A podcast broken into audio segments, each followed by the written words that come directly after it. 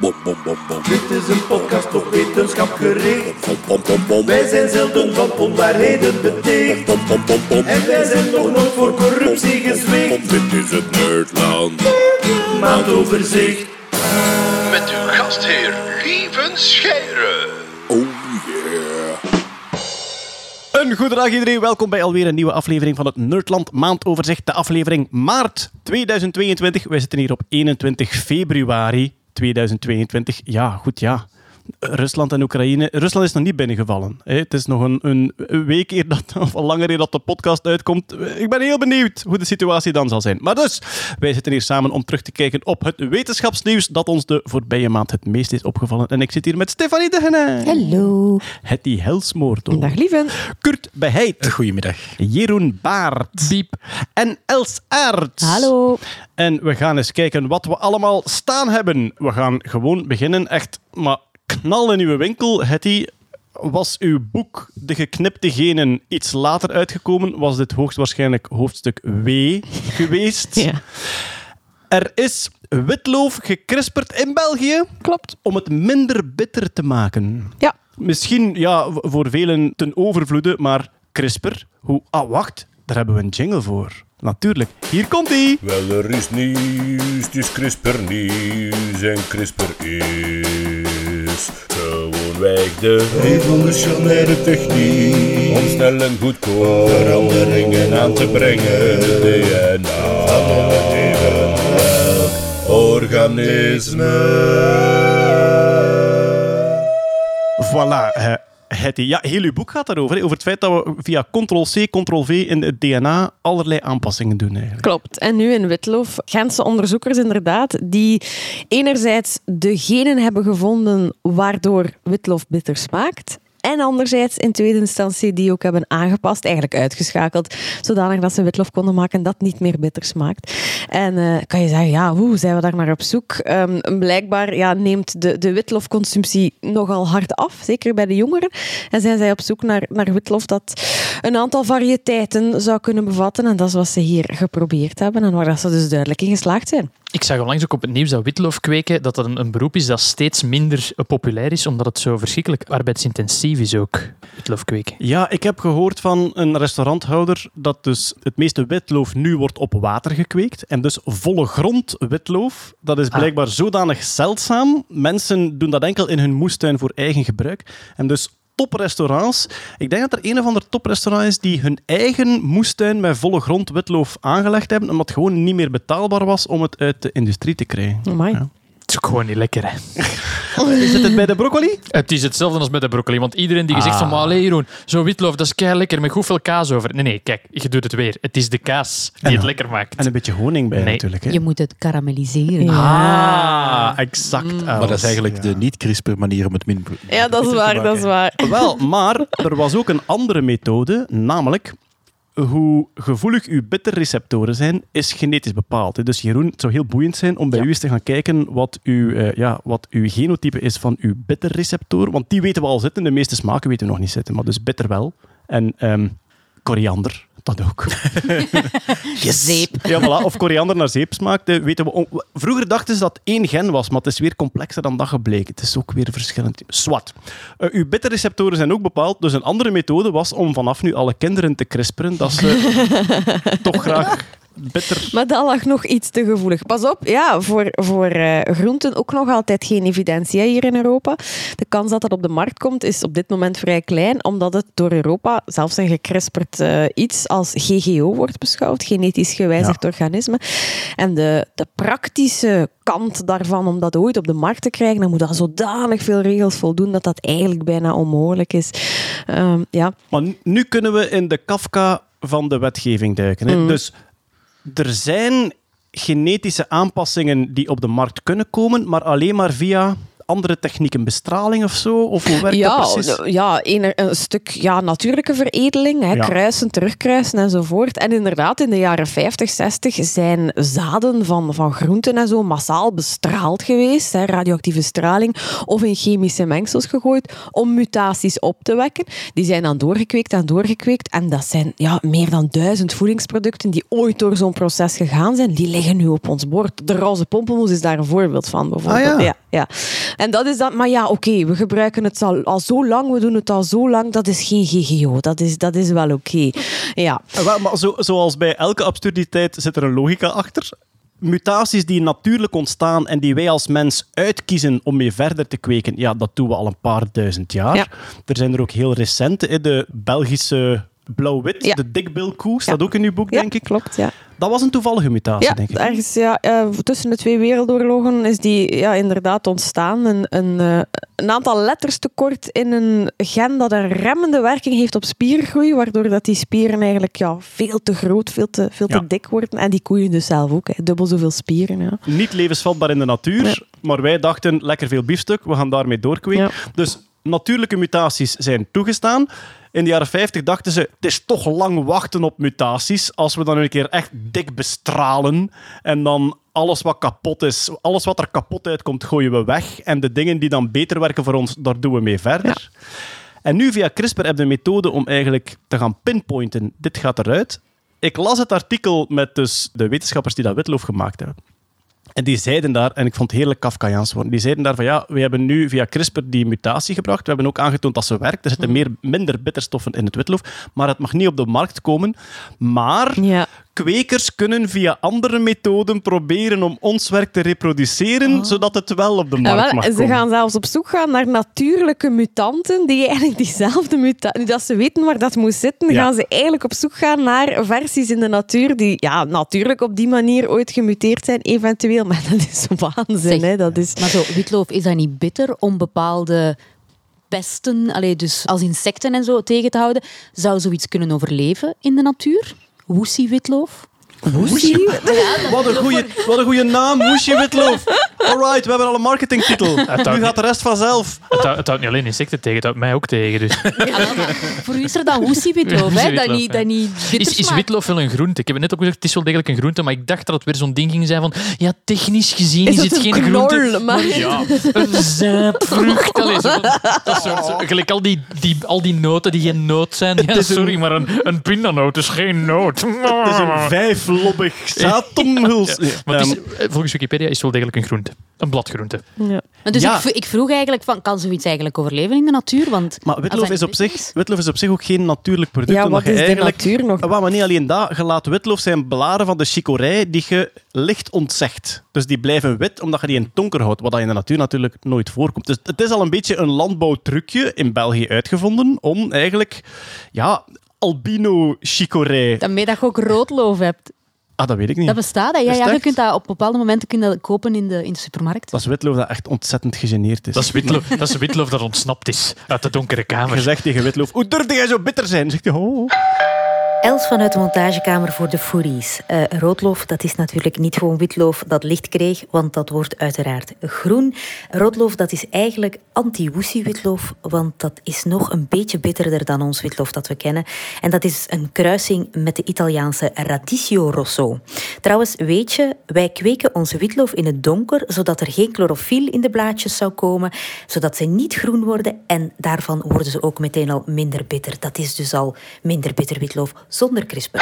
Trouwens, hebben ze, hebben ze ook ontdekt dan hoe dat de biochemie van die bittere smaak zit? Hoe dat ja, die veroorzaakt het wordt? gaat hem om bepaalde stoffen die gesynthetiseerd worden. En ik ga het nu aflezen. Ehm, het zijn guaianolide sesquiterpeenlactonen die aangemaakt worden, waardoor dat die Wat Ja, fuck off, waardoor dat die Soms witloop... denk ik dat ze het gewoon verzint ook. dat is echt waar. Ik heb ze daar straks gewoon zo horen doen op haar keyboard. Eh, ik, kom, ik, kom straks nog, ik kom straks nog tussen met het woord zoofarmacognosie. Oké, Dus, eh, jij hebt het geoefend. ja, ik heb het niet geoefend, maar jij wel. Ik, heb- ik heb opgezocht of dat ze het in Rusland kweken en effectief from Russia, witloof.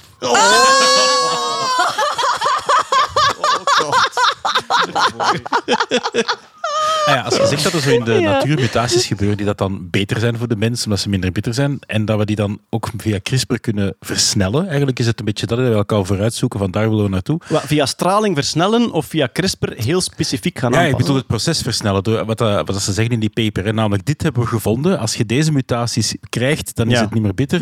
Maar het mag niet op deze artificiële manier. Dus we moeten nu natuurlijk gaan muteren. Maar wil dan ook zeggen dat er eigenlijk natuurlijk ook giftiger of slechte dingen, voor, eh, schadelijke dingen voor de mens ook gebeuren, die dat we dan ook per ongeluk eten? Want dat is een argument om te zeggen van ja, misschien moeten we dat zoekproces dan juist niet doen. En weten van kijk, die weg, die mutatie, die dat we nu met CRISPR kunnen doen, die is gewoon veel beter. Dus eh, het is gewoon een argument tegen het feit Tegen dat je- natuurlijke veredeling eigenlijk. ja, nee, nee, een argument tegen het argument om tegen GGO's te zijn Ja. met CRISPR dan. Maar dat wordt toch niet direct giftig of zo? Allee, het is ook niet dat dat Nee. nu minder giftig is. Dat, is- dat was al niet giftig hè, op Smaak het begin. is Hè. ook maar smaak natuurlijk. Ja. Hè? Ja. Nu, er zit, het, ja, ehm, het feit dat kinderen niet graag witloof lusten, en Jeroen, is omdat... kinderen ehm, dus, ja.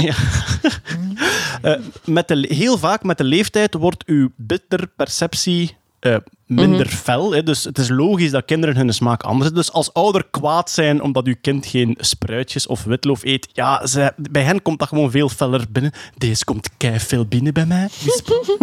Ehm, en daar is ook, enfin, het is hypothetisch, maar ik vind het wel boeiend. Er is een hypothetische verklaring dat veel giftige stoffen zijn bitter. En als kind, met je klein lichaampje, zijn je er veel gevoeliger aan. Dus het zou kunnen evolutionair dat ze gewoon als kind, dat het heel slim is om alles wat ook maar een beetje bitter is, om daarvan weg te blijven. het is daarom dat kinderen geen bier drinken dan. Eh, Ja, goh, ja, speak for yourself. Ik ben van, ik ben van het Meetjesland. Wat ik mij afvraag is, als je bij witlof het bitter weghaalt, wat blijft er dan nog over? Water? Ja, nat en drap. Met kaas over. Kaas, ja. Maar ja, Nee, echt iets voor jou. maar nee, maar het is niet wel bitter of niet bitter. Hè. Ik denk ze gaan gradaties van bitterheid maken ook. Maar ik had het verteld ook Oh, ik wil, ik wil een witloof eh drie. Ah, wel ja, En gelijk de koffie. witlof zes. Ja, De cappuccino voilà, witloof. inderdaad. Maar ik blijf voor het whooshy witloof. Echt waar. Dat, eh, ja, dat is een winnaar voor mij. ik had het verteld op Radio 2 ook. En Herman Verbruggen stond daarbij bij dat gesprek. En Markske van de kampioenen. En die zei, ja, ik vind, ik vind dat dat niet moet kunnen. Ik, dat is geen witlof meer. En waar zijn we mee bezig? En dan denk ik, ja. Maar nee, open maar het publieke debat. Zijn we, zijn we daar klaar voor? Wij, wij wel. Voor ons. Ja, maar nee, maar voor ons is dat... Witloof. Ja? Dat is een goede vraag. Ik vond het een terechte vraag. Ik zeg blankloof. Witloof matters. Ik heb dat altijd gezegd en ik zie geen reden om deze te veranderen. Ik heb mijn blankloof garen bitter. maar ja, goed, je kunt, je kunt je dat wel afvragen bij zijn vraag. Moet je dan in plaats van maïs terug het oorspronkelijke Zuid-Amerikaanse gras, ja, ja, gras gaan waar. eten waar het van afgeleid is? Maar goed, ehm, ja, ehm, ik vond het een heel boeiend iets. Niet alleen omdat er hier vlak bij ons in België Hm. iets zeer Belgisch gekrisperd is om het eh, minder bitter te maken, maar ook ja, alles wat we aangehaald hebben. Hè, dat het heel moeilijk ligt van wat willen we als samenleving, wat willen we als mens daar precies mee doen. All right. Nu nog oude Vlaamse artiesten minder bitter maken. Crisperen, crisperen. En dan, ik denk, een van mijn favoriete koppen uit het wetenschapsnieuws van de voorbije maand. Dames en heren, stop de persen. Antimaterie valt niet omhoog. en, ik, en ik wil er niet meer over discussiëren. Ultim- antimaterie valt niet omhoog. Eh, is een ontdekking die gedaan is in CERN, zowaar. Het is- CERN? Sarus. CERN. CERN. Goed gemaakt, hè? Straks, is, straks zegt Stefanie, eigenlijk is het kern dat je moet zeggen. Ah, nee, het komt origineel. Sharon. Het komt origineel, ja, inderdaad. Kern. CERN. CERN. Ja. Ja, in CERN heb je dus de deeltjesversneller, waar natuurlijk ja, wat het hoofdexperiment is, maar dat is ook gewoon een soort aantrekpoel voor allerlei andere experimenten. Heel dat terrein staat vol met allerlei experimenten. Onder andere wordt daar antimaterie gemaakt. Wat is antimaterie? Goh ja, eigenlijk zoals de elementaire deeltjes die we kennen, maar dan met een tegengestelde elektrische lading. Dus we hebben een elektron met een negatieve lading en dan hebben we een positron, dat is daar dan het antideeltje van. Maar je hebt ook een antiproton bijvoorbeeld, eh, dat bestaat ook. Eh, antimaterie is iets vrij mysterieus. Ehm, we, als, als, iets, als materie uit het niets ontstaat, wat af en toe gebeurt in de kwantumreis en zo, dan moet er evenveel materie als antimaterie ontstaan. Dat is ja, een van die gekke wetten van het subatomaire. En dat zien ze ook in die deeltjesversnellers. In die botsingen kan het zijn dat er plotseling een elektron naar één kant spat en een positron naar de andere. Maar dus materie en antimaterie, als die uit energie ontstaan, want materie kan energie worden en energie kan materie worden, hè, dat is E is mc kwadraat, dan zien we altijd evenveel materie als antimaterie. En dat is een van de raadsels waarom ons universum bestaat uit materie. Eigenlijk, volgens onze huidige theorie, zou er in het begin in de oerknal evenveel antimaterie moeten ontstaan zijn. En die zien we niet. Dus zijn ze aan het kijken op welke manier verschilt antimaterie nu van materie. Want als we daar een soort onevenwicht in vinden, dan kunnen we een verklaring vinden waarom de antimaterie verdwenen is, of wat er minder ontstaan is, en waarom ons universum met materie ontstaat. Swat. Wat doen ze in CERN? Ze wekken antimateriedeeltjes op. In die botsingen ontstaan die, dan moeten ze die afremmen, dan moeten ze die vangen in een fles. En ja, ik was er ooit op bezoek in CERN. En effectief een fles. Ja, ja, een magnetische fles. Zo heet dat. Hè. Ja. Een colafles. Ja, een antischeet in een fles. Ehm, en dus daar staat dan echt zo een, een, een bak. En dus ik stond daar in CERN en ehm, ja, die... die je fles? Ja, voilà. Die een onderzoeker die mij die rondleiding gaf, die zei van kijk, daar zit misschien antimaterie in. Ik zei van, hoe bedoelde misschien? Ja, ja, ja. Wel, we creëren dat en dus we, we weten niet of het bestaat. En dan vernietigen we het. En aan de manier waarop het verdwijnt, weten we of het bestaan heeft. Maar ik beeld me nu echt gewoon zo die wetenschappers met zo'n vlindernetje en zo'n. Ja, dan die om te gaan jagen. Daar zit hem daar! Daar een positron. Ja, Niemand heeft het ooit gezien. Je kunt dat niet... Ik bedoel, deze tafel is materie, die kan ik vastpakken. Antimaterie heeft nog nooit iemand vastgepakt. Je zou theoretisch perfect een tafel kunnen maken uit antimaterie. Alleen moet die, die moet dan volledig gevrijwaard worden van materie. Want als, ma- als een Ah, materiedeeltje en een antimateriedeeltje elkaar tegenkomen, dan worden ze terug de energie waar ze waarschijnlijk uit ontstaan zijn. Dus Een antimaterie Ikea zou heel verschrikkelijk zijn. ja, inderdaad. Ja. Maar dus antimaterie, antimaterie stabiel houden in onze werkelijkheid is heel lastig, omdat er overal materie is. En als het daar tegen botst, dan eh, eh, ja, verdwijnt het in een pufje energie eigenlijk. Ah, dus ook als het... Het is niet alleen als een proton met een antiproton met elkaar in contact komt, dan is het weg. Allee, Ja. Dan ontploft het. Maar elke antimaterie met elke andere antimaterie... Ik denk wel dat de juiste elementaire deeltjes Ah ja, gematcht moeten worden. Ja, Ja. dat denk ik wel. Maar dus ergens Cool. is er een anti-aarde, waar dat er nu anti-corona heerst, waar dat er Antivaxers, vaxers- Nee, waar ja, dat er nee. vaxers Ah, ja, ja. zijn. Dat wij sheeple zijn. Nee, anti-sheeple zijn. Ja, maar er, er zijn theorieën dat er een parallel universum is dat perfect gespiegeld is. Alleen, ja, goh, in, in de kwantummechanica heb je ook wat toevalligheid, waardoor niet alles beslist is vanaf het ontstaat. Stel dat alles beslist is vanaf het ontstaat, dan zouden we kunnen zeggen, als de antimaterie exact op dezelfde manier vertrokken is als de materie, zou er een soort parallelle werkelijkheid van wij kunnen, die exact dezelfde woorden uitspreken op dit moment. Maar de kwantummechanica die laat daar heel veel, voor zover dat we ze snappen, hè, die laat daar heel veel toevalligheden in toe, waardoor dat dan niet meer zou kloppen. Maar Waarom valt dat nu omhoog? Nee, niet omhoog. Niet omhoog. Waarom valt dat niet omhoog? Voilà, dus wat weten we over antimaterie? De lading is tegengesteld en voor de rest weten we niet waarom er heel veel materie is en weinig antimaterie. En dus dachten ze, misschien zit er een asymmetrie in hoe het reageert op zwaartekracht. Ah, ja. Misschien kunnen we daar iets kunnen vinden. En als er daar een soort ehm, ongelijkheid in zit, zou dat een verklaring kunnen zijn waarom wij uit materie Ah, ja. bestaan en niet uit antimaterie. Dus wat hebben ze gedaan in CERN? Ze hebben zo vaak als mogelijk geprobeerd om eh, positronen en antiprotonen te vangen in een magnetische fles en die aan het trillen te brengen. En die trilling die kunnen ze dan uitmeten en dan weten ze aan de hand daarvan, ja, die trilling wordt natuurlijk ook beïnvloed door het zwaartekrachtveld. En dus wat hebben ze deze maand ontdekt? Tot op een miljardste van een procent reageert het exact hetzelfde op de zwaartekracht. En dus, eh, wat hebben ze gezegd? Jongens, we hadden het een beetje verwacht, maar toch, saai nieuws, antimaterie valt niet omhoog. Ja. Dat is wel spijtig. hè. Ah, maar nee, maar het is eigenlijk beter toch? Want anders dan hadden we het nu geweten. En dan was het eigenlijk een heel saaie verklaring. Van, ah ja, boel, zwaartekracht. En Nu nu is het weten gewoon allemaal omhoog gevallen. We Nee, kunnen nee, het niet. Stel dat er nu ontdekt was dat Ja. er een symmetrieverschil zat tussen antimaterie en materie op reactie op zwaartekracht, dan was eindelijk de, enfin, dat was een mogelijke deur gevonden naar de ontdekkingstocht. Het was daar zeker niet mee opgelost. En nu is de deur naar de ontdekkingstocht niet gevonden. Dat Dus het het goed, is dat goed nieuws geweest dat het omhoog gevallen, want dan hadden we Ja, een verklaring gehad ja, voor waar is al die materie naartoe. En dan hadden we dat kunnen vinden ja. misschien. Ja, dan hadden we kunnen zeggen, scheid in antimaterie in plaats van scheid omhoog. Maar Nee. dat gaat dus niet, want antimaterie valt Spijtig, net zoals spijtig. al de rest naar beneden. Terug naar de wereld van deze grote orde eventjes. Weg uit het Voel je het ook? Weg uit het subatomaire. Je moet er op tijd even uit. We springen even naar beneden. Uit het subatomaire.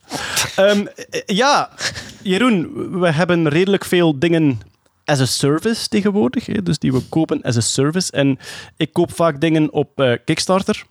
Ik heb eh, ooit een kattenvoederbak gekocht. Die je kon via een app uiteraard bedienen van op je werk. En dan kon je praten tegen de kat en kon je met een laserlichtje spelen enzovoort. En eh, het was heel tof. Tot als na een jaar en een half dat bedrijf failliet gaat en dat die zeggen: Sorry, ja, er is niemand die het overneemt. Er is geen support meer voor de app en dat alles stilvalt. Ik heb het waarlijk dystopische verhaal gelezen van Barbara Campbell. Die was de metro aan het nemen in New York en opeens hoort hij drie biepjes en het licht gaat uit in haar ogen.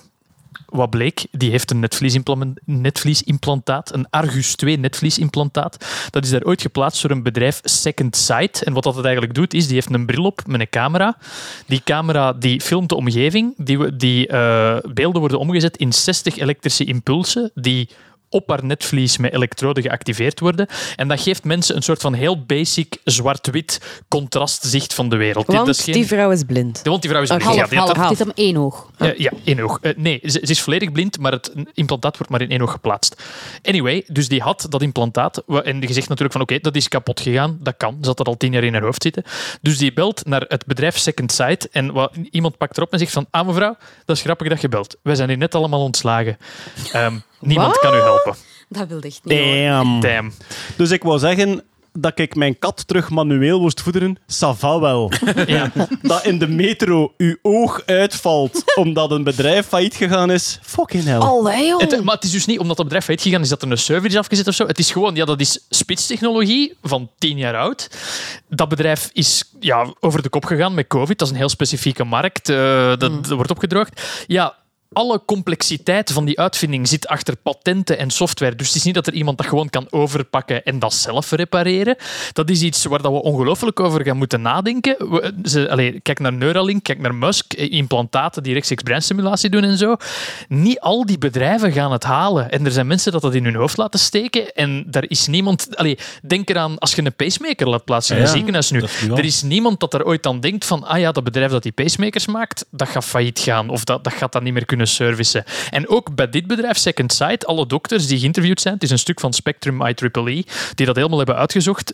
Ja, niemand had ooit gedacht dat dat zou kunnen gebeuren. En het probleem is, die mensen die met dat implantaat rondlopen, je denkt van oké, laat dat er dan terug uithalen. Ja, dat is wel vastgemaakt op hun netvlies, dat is redelijk invasief. Dat heeft 500.000 dollar gekost ook, om dat te laten implanteren. Eh, En ook die mensen, er is een schrijnend verhaal van iemand die zegt van ja, mij maakt het niet uit dat dat niet meer werkt en dat dat erin zit, maar ik heb een ander medisch probleem. Ik heb ook een breintumor en ik kan niet onder de scanner met dat ding in mijn kop.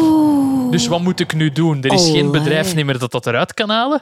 En ik kan ook niet meer een andere medische procedure doen. Dus het is echt een, zo'n dystopisch verhaal om te lezen. Er zijn ongeveer 350 patiënten die dat daarmee rondlopen.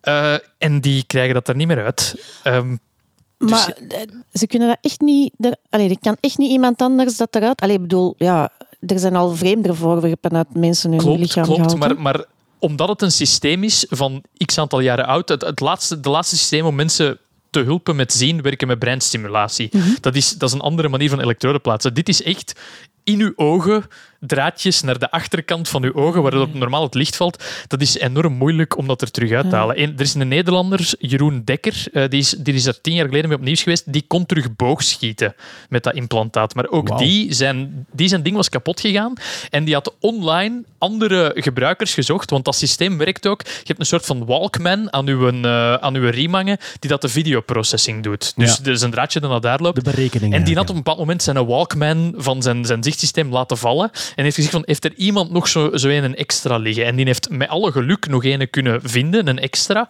Maar die zegt van, als een deze nu kapot valt, ben ik mijn zicht kwijt. Voor Maar altijd. ja, daar moet we echt over nadenken. Moeten we echt over nadenken. Zeker met... eh, ik, ik vond het een interessant verhaal met, met nu het Neuralink-verhaal en zo. Stel, een Musk begint over twee jaar met menselijke... eh, ja, dat zijn dan testpersonen. Hè, die tekenen wel een papier Ja. dat dat allemaal kan gebeuren. Maar stel, het, net zoals zoveel dingen van Musk, gaat het over kop of het is toch niet wat dat werd. En die mensen lopen daar met de rest van hun... Allee, uw iPhone die niet meer gesupport is door Apple, ja, dan koopt je een nieuwe, Mm, want Apple mm. bestaat nog. En dat is niet iets dat in uw Of een kop ander zit. merk, Voilà, ja. inderdaad. En dit is toch... Ja, ik vond, ik vond zo'n dystopisch verhaal. Het is echt... Ja, het is... eh, Ja, implantaten as a service. En als de, de service er niet meer is, dan staat het daar wel mooi. Dat hadden ze niet zien aankomen. Nee. Alleen al, alleen al bijna de filmscène Donker. zit op zwart. Maar ja, man. Nu, om, het, je geeft net het voorbeeld van pacemakers. Ja. Dat is natuurlijk intussen een zodanig grote en Klopt. mature Ja. markt dat je, dat je daar vrij zeker van kunt zijn dat er een overname komt of gelijk wat. is ook een simpeler systeem Ja. dan, dan een, een, En de een procedure ook, operatief, Ja. denk ik. Maar ik denk, ik denk dat Dick Cheney was, die ooit... ehm, of Rumsfeld, een van de twee. Ik haal ze altijd in elkaar ook. Eh, die ooit zijn pacemaker laten vervangen heeft, omdat de geheime dienst had berekend dat hij vanuit de hotelkamer naast hem hackable was. Oh my god! Dus dat je eigenlijk in het hotelkamer naast... eh, eh, Dick Cheney, effectief. Voilà, ja, Ja. Dat je naast Dick Cheney kon slapen en met de juiste software kon zeggen van en nu gaan we het hartje niet eens afzetten. Moeten ook geserviced worden. Ze gaan nu niet telkens terug helemaal opengooien als er een firmware-update voor uw pacemaker moet komen. Dus dat is, ja, dat is, dat is een, heel, een heel andere zaak. Wacht, wa- eh, wacht. Je mag ook geen Eh, video's Jeroen, ga eens terug. Ga eens terug. Je moet straks een screenshot nemen. Eh, Jeroen heeft de pagina open met ehm, het artikel van Dick Cheney. En de eerste zin is... Doctors disabled wireless in Dick. Ja, oké. Ja. Sorry. Ah. No giggling in the back. Oké, ja. Dat is gewoon Richard. ja, voilà. Goed. Nee, ja, het is, het, is, het is iets om over na te denken. Ja, het is inderdaad, maar het is een wake-up call op een manier. Voor onze, onze support die wegvalt, wordt nu eigenlijk Een heel goede duidelijk. Black Mirror-achtige reeks, Ja, ja, denk ja. ik. hè. Absoluut. We gaan over naar het volgende onderwerp. Eh, we hebben het al een paar keer gehad over de Golden State Killer. Een misdadiger die ontmaskerd was, niet omdat zijn DNA op het internet stond, maar omdat veel DNA van verre familieleden op het internet stonden. Een gelijkaardige techniek wordt nu gebruikt om de olifanten te beschermen, Stefanie. Klopt. Ja, eh, er worden nog altijd olifanten gedood omwille van hun slagtanden, hè, omwille van ivoor. Dat is nog altijd een gigantische markt. Dat, is eigenlijk een, ja, dat zijn internationale criminele bendes die zich daarmee bezighouden. En het is heel moeilijk om die op te sporen, om die in kaart te brengen. Dus er, worden af en toe, eh, wel eens, er wordt wel eens een lading ivoor eh, onderschept. Maar om dat dan te gaan linken aan ja, wie, heeft die, allee, wie zijn de stropers, wie zijn de mensen die dat hebben vervoerd, naar waar gaat dat, wie zijn de afnemers, dat is allemaal heel moeilijk. Maar nu gaan ze dus effectief de, de techniek van familiaal DNA-matching gaan ze gebruiken om toch die criminele organisaties in kaart te brengen. Dus wat hebben ze gedaan? Ehm, ze hebben 4000 slagtanden die daar al in beslag waren genomen tussen 2002 en 2019. Die hebben ze allemaal, daarvan hebben ze het allemaal eh, het DNA uitgelezen. Dat, zijn dan, dat is het DNA van de olifanten Van de en olifanten. niet van de stropers. Nee, van de olifanten. ja, En daar dan de familiale banden ingezocht. Hè, wie is de dochter van wie, wie is de zus van wie enzovoort. Omdat olifanten, ja, die, die, die leven in groep en die blijven meestal in een familie. Hè. Ja. Ehm, en dat hebben ze dan gecombineerd met ehm, eh, stalen van olifantenkaka Ja? ter plaatse. En als je dat allemaal combineert, dan kun je eigenlijk schoon in kaart brengen van ja, wie is er familie van wie en waar leefde die. Dus dan heb je dat al. Dan hebben ze dat nog eens gecombineerd met ja, typisch politioneel onderzoek. Eh, ja, papieren van de boot waarop dat ze dan gevonden zijn. En dan eh, de financiële uittreksels van, van de mensen die ze verdenken en dit en dat. En zo heeft men eigenlijk heel schoon kunnen in kaart brengen van welke olifanten zijn er waar, wanneer, door wie eh, ja, vermoord en dan verhandeld. Het logigram is af. Ja, het is zo, ja, het is zo typisch eh, allee, hè, de, het prikbord met de draadjes, hè, maar, dan, Ja, ja. maar dan wetenschappelijk. En ehm, dat is gedaan door het eh, Center for Environmental Forensic Science, die zich vooral richten op ja, internationale smokkel van, van, ja, van slagtanden en nog allemaal eh, ja, dierlijke... eh, ja, wat is er nog allemaal? Tijgerpenissen. Tij- eh, Tijgerpenissen? Ja, ik zeg maar iets, ik weet dat niet, dat zal wel. Ja, neushoornhoorns Neushoorn, ja. voor de potentie. eh, Ja. heel, heel veel slangen. Gorilla-handen. Gorillas, ja. Slangensoorten. Enfin, Ja. ja. Maak er een poederke van, drink het op, het is goed Ja. voor de potentie. Dat is, Ja. dat is altijd het verhaal, stijve toch? Ja, zegt. dat is, hè. Ja. Maak een vent wijs dat hij er een stijl van krijgt en er gaat een diersoort de wereld uit. Maar het is ook in combinatie, het is ook samen met de US Department van Homeland Security, de Amerikaanse staatsveiligheid eigenlijk. Ik weet niet zo goed wat dat hun link daarmee is, maar bon. In elk geval, ehm, ze zijn er dan in geslaagd om dus die criminele organisaties in kaart te brengen. En het blijkt dat die vooral in drie landen operatief zijn. Dat dat allemaal gecentreerd is rond Kenia, Oeganda en Togo. Dat is maximum dat ze geven van informatie, maar Zo. ik veronderstel dat ze... West Coast, East Coast in die voor. Dat zijn allemaal landen met olifanten, veronderstel ik. Dat ja, Het is niet zo Kenia, Togo en Ah, wel. Luxemburg. Ah, wel. Raar. Togo, ja, Togo zou Togo- wel bosolifanten hebben Ja. Togo ligt daar, Ghana, Nigeria, die, die streek. Maar Ja. het gaat hem vooral blijkbaar over... ehm, er, er, wordt, er wordt gestroopt op het Mhm. Afrikaanse continent. Maar de uitvoer is naar heel specifieke havens, die ook weer verschuiven als de politie die op het spoor is. En wat ik frappant vond, wat dat ook in het artikel stond, het gebeurt. Dus die, die ivoorladingen die komen samen in depots. En vandaar verdwijnen die weer via verschillende kanalen. Naar vers- zo typisch, maak het zo obscuur Ja. mogelijk. Ja. En er zijn voorbeelden van twee slagtanden van dezelfde olifant, waarvan de ene via Kenia vertrekt en de andere via Togo. Dus echt zo gewoon om de boel zo complex mogelijk te maken. Maar dan kunnen ze die nu linken aan dezelfde bende. Effectief. Ja. Ja. Cool, hè? Echt zo de, de, de connecties trekken. Hè, van, van, maar ook het feit dat je ivoor in beslag neemt in China en ondertussen in een kak schept in Tanzania en zegt dat was van dezelfde neer. Graaf, dat is hè? familie van elkaar. Ja. Zeg nu dat we het over DNA-onderzoek hebben. Ik had ook iets gelezen, het stond nu niet op de, de, de lijst, maar dat er DNA gebruikt was van een vrouw die na een verkrachting een uitstrijkje had laten nemen. Of, Ja. of ja, van, van de rape kit eigenlijk. Dat ze na, eh, na een verkrachting kijken ze na of dat er DNA van de ding is. Maar ook in dat DNA-swapje zat ook DNA van die vrouw zelf. Want ja, je, je schraapt daar. En dat dat DNA gebruikt was in een zaak om een familielid van die vrouw te veroordelen. Het en was dat de een- vrouw zelf. Ah, het was de vrouw Ja, zelf. Ja, het is- je hebt het is- wel gevolgd. Sorry, ik wil het Ja. niet opbrengen als niemand weet waarover het gaat. Ja. Het is- ik denk dat het Amerikaans was en ik vind het uitermate boeiend. Enfin, boeiend op een, op een ambetante manier, hè, op een ethische manier. Dus ehm, de Amerikaanse politie is een tijd immens actief geweest in het verzamelen van DNA. Net omwille van hoe groter je die database maakt, hoe meer van dat soort Golden State Killers en gelijk wat dat je kunt pakken. Ik San, denk, Fran- dat er, San Francisco was het. ik denk dat er zelfs een kwestie was van dat er bij winkeldiefstallen ja, ja, ja. DNA afgenomen werd, Ja. gewoon maar om die database te vullen. Ja. Oké, kun je heel veel vragen over stellen. Ehm, en uiteraard, ja, na een verkrachting wordt er een DNA-stal genomen om de verkrachter zelf te kunnen ide- identificeren. Daar zit, daar zit altijd ook een DNA-profiel van het slachtoffer bij, logisch, want die moeten kunnen onderscheiden van het DNA dat je vindt. Wat blijkt, dat DNA-profiel komt ook in de databank terecht. En die vrouw is veroordeeld voor, ik denk dat het een winkeldiefstal was of een andere diefstal, op basis van het DNA dat ze uit haar Oh. kit gehaald hebben. En als, als overactieve politieman kunnen dan zeggen: zie, wat een database, we halen daar alles uit. Maar uiteraard wilde niet dat iemand zich daardoor laat afremmen om Ja, voilà. aangifte te doen. Ja. De police-chef heeft al gezegd dat het nooit had mogen gebeuren en dat hij ervoor gaat zorgen dat de, de procedures binnen het departement worden aangepast en zo. Dus het is heel zo. duidelijk dat hij er ver, allee, verveeld mee zit. Is, is een onderdru- allee, onderuitgedrukt, maar Dat is nou ambetant, zeg.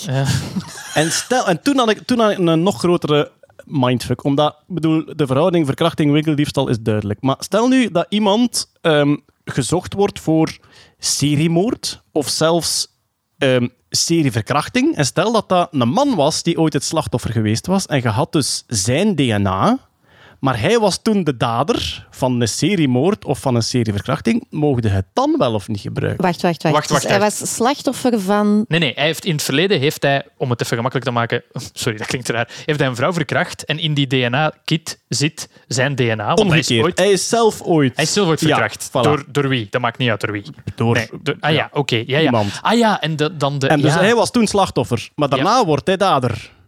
Zeer serieuze dader, want En zwaardere dader, hè, Dan dus dat die seriedader. ja. Mocht dan het DNA gebruiken dat in de kit zat. In tegenstelling, Of omdat het nu maar een winkeldiefstal was, is het Nu is- compleet out of line om dat probleem Voilà, nu te de- pakken. Maar als je er de volgende Mark Dutroux mee kunt pakken, Ah, wel, ja. dat, voilà. Dat is raar. En ja. dat soort trolley-dilemma's heb constant in genetica, vind ik. Hè. En dat, ja, Dat is bon. eigenlijk het vervolg van uw DNA-show. Zit er iemand schrijven dan? ja, nee, dat zal een fictiereeks worden, gelijk, gelijk dat het er nu uitziet. Maar ja, dat verhaal, ik vond dat verhaal ook echt, het- echt sorry, het, het, schrijnend. het was even... Ik dacht Nee, dat nee, het op, ik vind op uw interessante, radar eh, ik was vind het interessante vragen. Ik heb er niet direct een antwoord op. Ik zal Ik er eens over niet. nadenken. Ah, Wel, maar de, eh, het, het belangrijkste argument nu, omdat we zitten nog niet in het trolley-dilemma, we zitten nu met een heel duidelijke verhouding tussen de twee misdaden.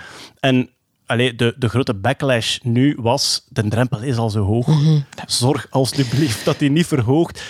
Omdat je ooit een snoep in het kruidvat gestolen Ja, maar hebt, niet alleen dat. Voelde het Stel, al warm worden, Ja. Oké, oproep aan alle kruidvatten van Oost- en West-Vlaanderen. Maar ik, Is ik, kruidvat of kruidvaten? Geen sponsor. ik merk wel, zeker onder de nerds, eh, dat, dat er heel weinig mensen... Ja, misschien zelfs niet alleen, niet alleen onder nerds, maar heel weinig mensen zijn bereid om hun DNA af te staan om mogelijk een zaak op te lossen. hè. Als je dat, als je dat vraagt, van, allez, gelijk bij Nicky Verstappen toen, hè, Ja. dat kindje in Nederland, hè, dus, eh, die is dood vermoord, verkracht teruggevonden. Dan hebben ze een algemene oproep gedaan van alle mannen in dat dorp om hun DNA te komen geven. Ja. Nu, dat was een klein dorp in Nederland. Dat, ik denk dat 11.000 man is daar effectief eh, naartoe gegaan. En ze hebben dan inderdaad... Dat was ook via familial, de, familial Ja, en uiteindelijk ook nog via, ik denk, haren van de persoon zelf Ja, die ja. achtergebleven waren. Ja, het is, nooit, het is nooit alleen dat. Hè. Dan moet ook, allee, dit is, dat politioneel onderzoek komt er altijd bij. Maar dan nog heel weinig mensen zijn daartoe bereid. En dat vind ik wel een... Ja, ik vind dat een beetje jammer. Want, Er is, ja. iets, er is iets frappant. Dus in mijn DNA-show die ik speel, is dat een van de vragen. Mag de Ah, ja. politie... Dus ik vraag, mag de Ja, politie uw DNA gebruiken om misdaden op te lossen? Eh, ik ben nu net herbegonnen met spelen na de lockdownbreak. En ik weet totaal niet hoe dat komt. Voor de lockdownbreak was er altijd een meerderheid die zei, het mag niet. Behalve in Nederland. In België zei de meerderheid mag niet. In Nederland zei de meerderheid mag wel. Misschien ook door die zaken die er al het. geweest zijn.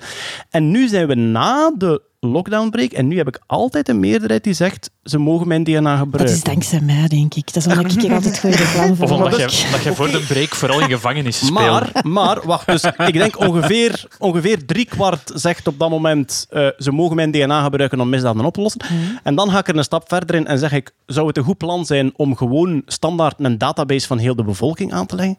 De helft zegt ja. De helft zegt Echt ja. waar. Nee, mensen de helft zegt, ja, de helft zegt, ik vind dat goed. Maar goed, Wow, Maar ja, want daar is zou ook ik niet op Hoe dat jij het vertelt, hè, lieve. absoluut. Maar ik ging het. Je geeft er wel een draai aan. dat is waar, ik speel Ja. met mijn voeten en ik doe dat bewust om hen te Om laten aan zien. achteraf te kunnen dan... Ja. Maar ik kom op dat moment, ik kom op dat moment inderdaad uit een stukje misdaad dat ik verteld Voilà. heb. En dat is typisch de enquête-truc. Ja. Vertel eerst een verhaal waardoor je mensen in een mindset zet. Ja. Stel ze dan een vraag en je weet wat hun antwoord Ik wil je die show eens in spelen in Leuven Centraal. Gewoon te zien. van- Ja, wel, ja. Wie zou dus een DNA afstaan voor de politie? Maar als je, dat, als je dat dus in de zoo doet, dan gaan de olifanten allemaal met hun slurf ja stemmen. Die willen, Ja. die willen gewoon... Allee, wat ja. dat er overblijft van hun Ja, slurf. dat is, ja. Maar dan ik, had, eh, ik had één bedenkingsje bij, enfin, dat, dat ik beginnen opzoeken ben en dat ik, omdat ik het interessant vond. Ivoor is keratine, hè, net zoals Ja. haar. Een Of dat je daar DNA kunt uithalen. Ja. Wel, ja, Ik heb het hier net gegoogeld. Voilà. Ehm, als ik me niet vergis, het die in een afgeknipte haar zit enkel mitochondraal DNA. Want dus haar bestaat niet uit cellen. Hè. Haar bestaat uit eiwitten die door cellen Je hebt de haarwortel nodig, dacht Ja. ik. Ja. De haarwortel geeft u het volledige DNA. In het haar zelf zit er blijkbaar mitochondraal DNA. Dus Mitochondriaal, ja. ja, mitochondriaal. Voilà. Dus eh, stukjes eh, in ons cel die we meegekregen hebben van moederskant. En dus blijkbaar zou een, een moederlijn... En ik neem aan, een keer dat je mitochondriaal DNA hebt, kun je direct ook wel zeggen tot welke groep olifanten... Dat Ja, maar ik geloof dat een kudde olifanten, dat dat vooral vrouwtjes Ja. zijn en dat stieren, die komen zo'n keer Zou bevruchten kunnen, ja. en die zijn terug weg. Dus een familie die bij elkaar Zoals blijft. God het bedoeld heeft. Voilà, voilà. Gewoon even bevruchten en go for it. Nee, dat klopt. Dat zijn Dekken en voornamelijk... vertrekken, gelijk dat ze zeggen. Oh my lord. Ik weet niet wie dat er dat zegt, maar ik, ik alvast. Ja, voilà. Maar dus, ja, ook eh, ehm, als je zo in, in als ze een haar gevonden hebben, ja, als de haarwortel daar niet aanhangt, kun je, al, ja, kun je nog een beetje met mi- mitochondriaal DNA, blijkbaar. Maar, Of als alle verdachten gelijk bruin haar hebben en één echt heel ros. Het is geverfd. Altijd rosten dit gedaan. We gaan naar de computers kijken. Eh, Kurt, ja, ik weet niet in hoeverre dat verhaal opgeklopt is, maar blijkbaar zou er een Amerikaanse hacker in zijn pyjamabroek vanop zijn een met pizzavet bevlekte zetel het internet van Noord-Korea platgelegd hebben. Dat van die pizza weet ik niet zeker. en het zou inderdaad heel hard opgeklopt kunnen zijn, want het is natuurlijk van Amerika tegen Noord-Korea en zo. Maar ehm, ja, het, is, het heeft er wel alle schijn van dat het wel is, omdat het door een aantal mensen opgewerkt geweest is en de persoon zelf, namelijk P4X. Zijn, anonieme hackernaam, ja. Eh, ja, het is ja, hacker, wat zeggen we, hacker of security researcher. Of Hij is white hat, hè? Dus het Hij is security hij- Hij researcher, is zelf security, officiële security Ja. man. Ja. Want dat is ook de reden, Noord-Korea had een paar Ja. security professionals eh getarget Dus- dus dat was het- om te spioneren. Ja. En hij dacht, ik ga wat terugpakken, kameraad. Ja, voilà. Het is, eh, exact. Dus eh, hij is een security researcher en een penetration tester. En een penetration tester, dat is iemand die zwakheden in het systeem zoekt en That's what she said. voilà, en probeert Iemand zo... moest het doen, Els. Ik was echt naar Els aan het kijken, want ik dacht, ik kan niet Ik zeggen. voelde alle blikken op mij. Het moet komen. Die probeert hoe ver dat hem geraakt. Ah, ja, ja. dus, je- letterlijk. Je, Ja. hebt dat ook, je hebt dat ook voor gebouwen, hè. Een, een heel cool interview op Ja? Led, ja, Led Bible is zo'n YouTube-kanaal die zo interviews doen met, met ex-criminelen en gelijk wat. En dat is één ehm, één, eh, Britse vrouw en die heeft eigenlijk heel haar leven gewerkt als... Je hebt een gebouw, dat mag een privéhuis zijn, dat mag een bedrijf zijn. En dan zeg je gewoon tegen haar, ja kijk, eh, wij hebben nu heel veel geïnvesteerd in security. Kun jij hier eens proberen binnenbreken? Oh my god, ik wil dat doen. Ja, eh, wel, maar dat is dus een beroep. En die vrouw, we, zullen, we, zullen, we zetten het in de show notes. Die vrouw is begonnen met in te breken in eh, villa's van rijke voetballers. Dus betaald, zodat zij konden zien wat dat de Dat kwetsbaarheden is echt zijn. een penetration Voilà. denkt, ja. En zij is en uiteindelijk heeft ze echt zo grote bedrijven. En ze vertelt daar onder andere een verhaal dat ze echt maar een bedrijf met een security van ik zal u gaan hebben. Die hadden 2 miljoen en half pond geïnvesteerd in beveiliging van het bedrijf. En zij heeft daar met wat social engineering en zo. eh, Ik geloof dat ze een auto beschadigd had. Van, van buiten de parking met een steen of met een geweer een auto op de parking beschadigd. Zich dan voorgedaan als het herstelbedrijf van de auto's binnengelaten. En dan ergens binnengesneakt. En zij, zij vertelt in dat interview hoe dat ze uiteraard glunderend een video toont van hoe dat ze echt met een USB-stick tot bij de gevoelige service van het bedrijf staat. En dan naast haar de directeur veiligheid met zijn, met zijn hand in, met zijn, met zijn hoofd in zijn handen tegen zijn collega's dat de hele tijd te zeggen. Two million and a half, Paul. Two million and a half. Two fucking million and a half pounds, Paul. Two and a half million. Ja, zwart. Dus, maar, dus, deed zit in haar pyjama. nee, maar Ah, dus voilà. penetration tester Ja. niet voor gebouwen, maar voor Nee, software. maar het is exact ja. hetzelfde. En ja, die kerel doet dat als beroep, dus dat is, op zijn computer stonden uiteraard ook heel veel rapporten met vulnerabilities van bepaalde systemen. Uiteraard is dan een slechte meneer als, of een slecht land, zoals Amerika doet afschijnen als Noord-Korea, daar heel hard in geïnteresseerd. En Goh, ik denk niet dat dat een Amerikaanse perceptie is. eh, wat dat Noord-Korea betreft, denk ik dat we daar, denk dat we er niet echt een middle ground in moeten zoeken. Nee, nee, eh, voilà. Dus, eh, Zwijg, westerse honden. Anyway, ehm, net zoals heel veel anderen is hij zelf, eh, ge- eh, hebben ze hem geprobeerd om te hacken. En dan eh, is hij naar een FBI gestapt. En de FBI die zei, goh ja, allee, die heeft we zijn direct- bezig. we zijn bezig, ja. Met ons Er zijn nog twaalf wachtende Ja, voilà, voor. ja. Nog Ehm, twaalf schurken staat er voor u. En dan heeft hij eigenlijk gewoon dacht, ik ga dat een keer zelf proberen. Doe het lekker zelf. Ik doe het lekker zelf. Ehm, en heeft hem gewoon eigenlijk, wat dat hem als job doet, geprobeerd op de eh, routers van ehm, Noord-Korea. Want op zich, er is niet zoveel internetverkeer in Noord-Korea. En dat wordt, Dat heel, niet, nee, Ja. en dat wordt heel gereglementeerd als zijnde gecentraliseerd. En dat is een beetje, je hebt één spot. Ah, ja. En dat is natuurlijk een zwakte, want dat is één toegangsweg. De van sweet heel- spot, gelijk dat we zeggen. Nee, dat we gaan penetreren. En- Ik hoor weer sirenes. En alle ouders die luisteren met hun kinderen. Proficiat. Let op voor virussen. Nee, ehm, maar dus die dan... ehm voilà, dus allemaal heel gereglementeerd. En dan heeft hij daar gewoon eigenlijk zijn software, zijn scriptjes op losgelaten om te zien waar zitten de vulnerabilities, welke systemen zijn die gepatcht. En dan had hij wat foutjes ontdekt en dan dacht hij, maar, boenk, en dan heeft hem die eigenlijk ehm, platgelegd. Ja. Eh, nu, eh, Wisten, ja. jullie- wisten jullie dat de eerste persoon op het internet in Noord-Korea, dat dat Kim Jong-il was? Ah.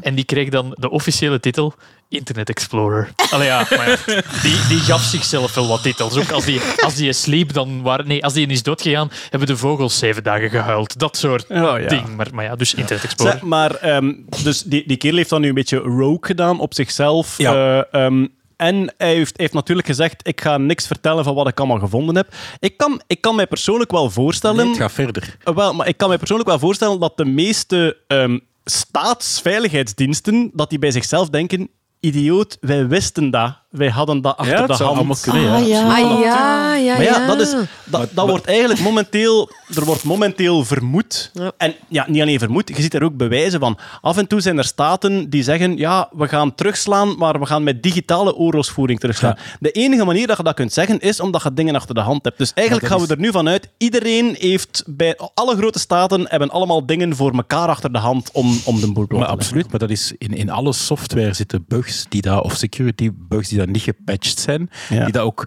een heel select clubje weten. We hebben daar vorige keer een keer over gehad, over Zero zero, day vulnerabilities namelijk. En ehm, dan, als je zo een vindt, ja, dan heb je twee mogelijkheden. Ofwel ga je ter goeder trouw een, bug bounty program, vandaar dat ze de Googles en Ja. de Apples en zo zo hard geld daarvoor geven om melden zeg, ja, tegen zeg het tegen betaling, ons en verkoop het alsjeblieft niet op de zwarte markt. Want dat is wat er gebeurt natuurlijk. En dat is wat dat, bijvoorbeeld, het, het, we hebben het ook een tijdje geleden over gehad, over die software van in Israël, Ja. die daar naar boven kwam, waarbij dat de telefoon van Macron bijvoorbeeld gehackt was. Pegasus, Pe- Pegasus, het- NSO-software. Het vuile, het eigenlijk- vuile daaraan was dat dat zelfs geen zwarte markt is. Dat is een Nee. officieel Ja. bedrijf dat dat aanbiedt. Absoluut, maar die, en die aanbiedt van dit zijn allemaal vulnerabilities die dan niet gepatcht zijn.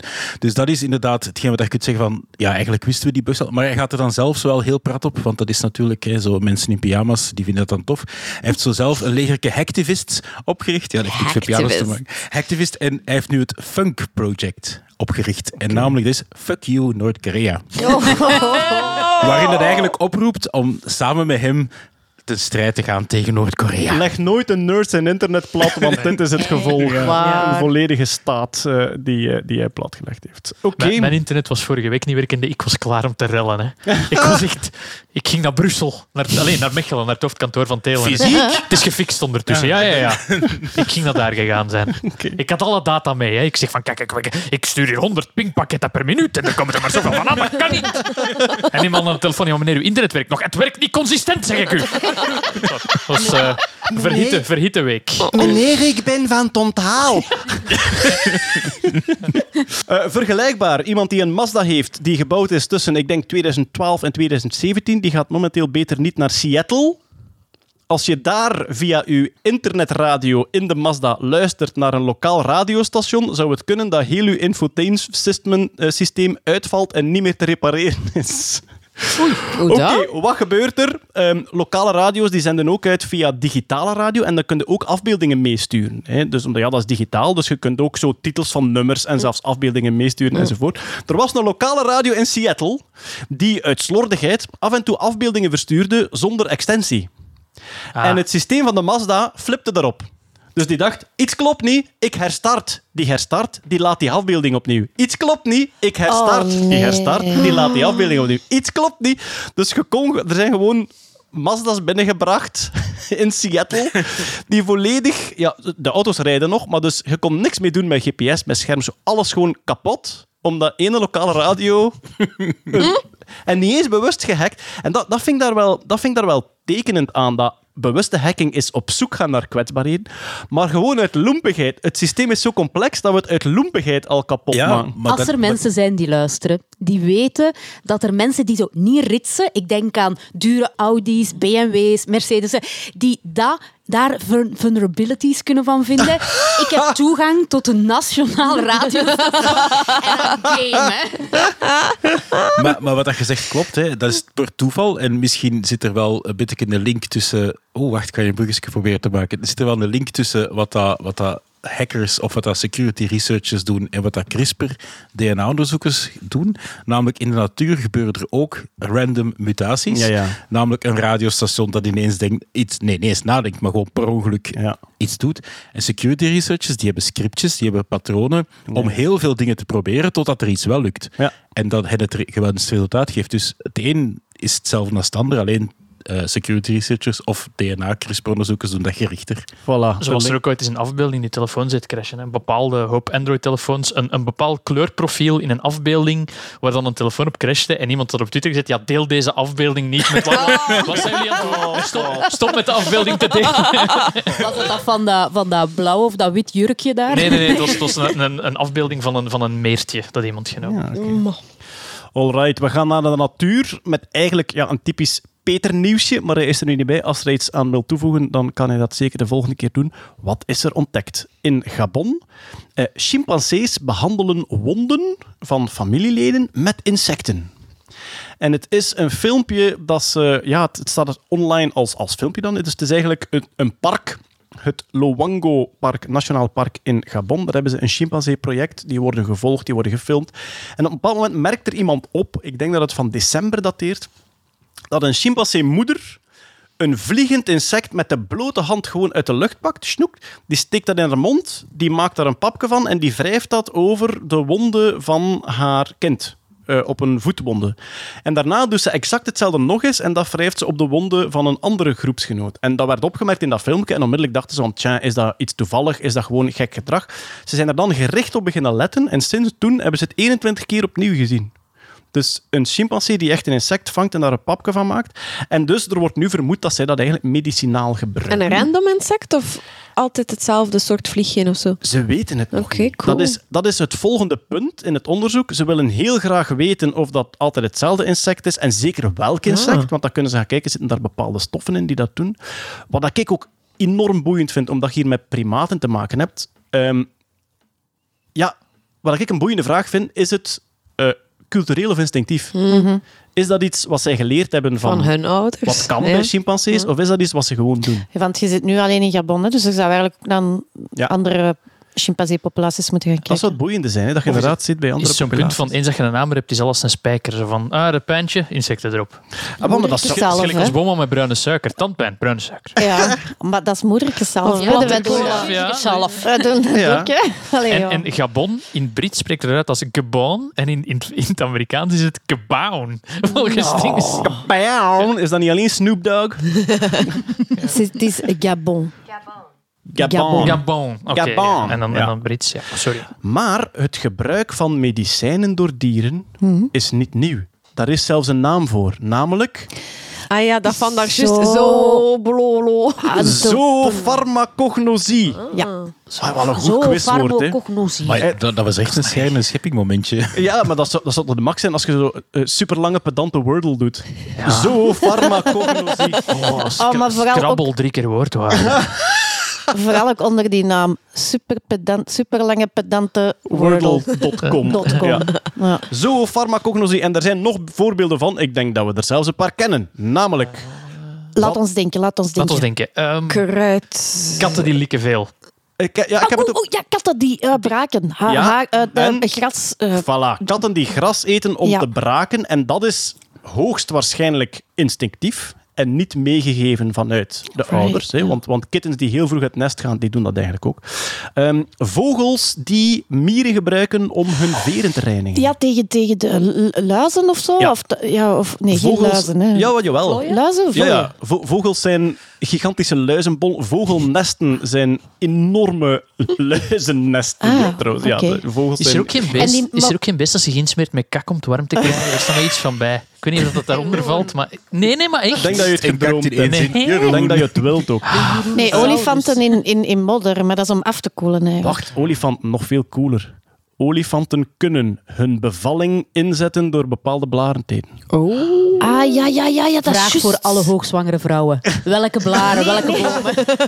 Don't try it at all. Voor mensen kennen we de, de huistuin- en keukentrucjes, denk ik. Ananas, Ja. Schweppes en poepen. Ja, is de maar ook wonderolie, hè. de trap op en aflopen. Er is een olie, er is een soort olie die je kunt nemen. Maar eh, misschien vooral, zwart. luister naar uw dokter. Ja, Ja. nee, ja, Wij geven geen nee. medisch advies. Niet mailen. God, niet zeker niet met foto's.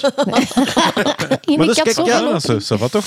Maar dus het, eh, de, het chimpansee-gedrag is nog maar net vastgesteld, is eigenlijk ook bevestigd. Ja, als ze dat ene, na het moment dat ze het opmerken, dat ze het nog 21 keer zien, Nu, bedenking die ik plots heb, het is wel 21 keer in dezelfde groep. Dus Ah, misschien ja. dat heel recent gedrag is. Sweat. Maar ik vond het eh, heel boeiend en hopelijk kunnen ze Echt volgend jaar... daar, Als eh, bomma die overal speksel gaat opdoen. Ja, ja, Hier, kom. voilà. Als ze zijn Ja, ja, weer ja. aan het kijken, we moeten weer iets met die vlieg doen. Ja, doe- dat, doe dat nog eens. Doe dat nog eens. Ik... Ooievaars kakken op hun eigen benen om af te koelen. Hey. Om af te koelen? Om af te koelen, ja. Wat? Ja, several species of storks as well as vultures will defecate on their legs to cool down. Since bird poop is mostly liquid, it works the same way as sweating does. Dus een beetje, man. beetje kakzweten. Vuile Ik dier. wist het dat er een beest was. Hoeveel Dat ik zelf... ooievaars zitten er onder uw voorouders? Maar enfin, I pooped on my is toch legs, mom. interessant? Not cool, son. Not Ik dacht dat cool. het hier, Yes, ik dacht dat het yes, hier- cool. Ja, ja. Ik dacht dat het hier Nerdland was. Oké, Niet dan. All right. Oh, garme Jeroen. Van de zoofarmacognosie gaan we naar de ruimte. Het, die- het, ehm, het ESA-astronautenselectieproject, waar je een... Ja, het. Waar je een, ge- waar je een, gemengde, een gemengde relatie mee hebt. Zeggen wij vanaf nu niet. de ruimte, dus niet het jij.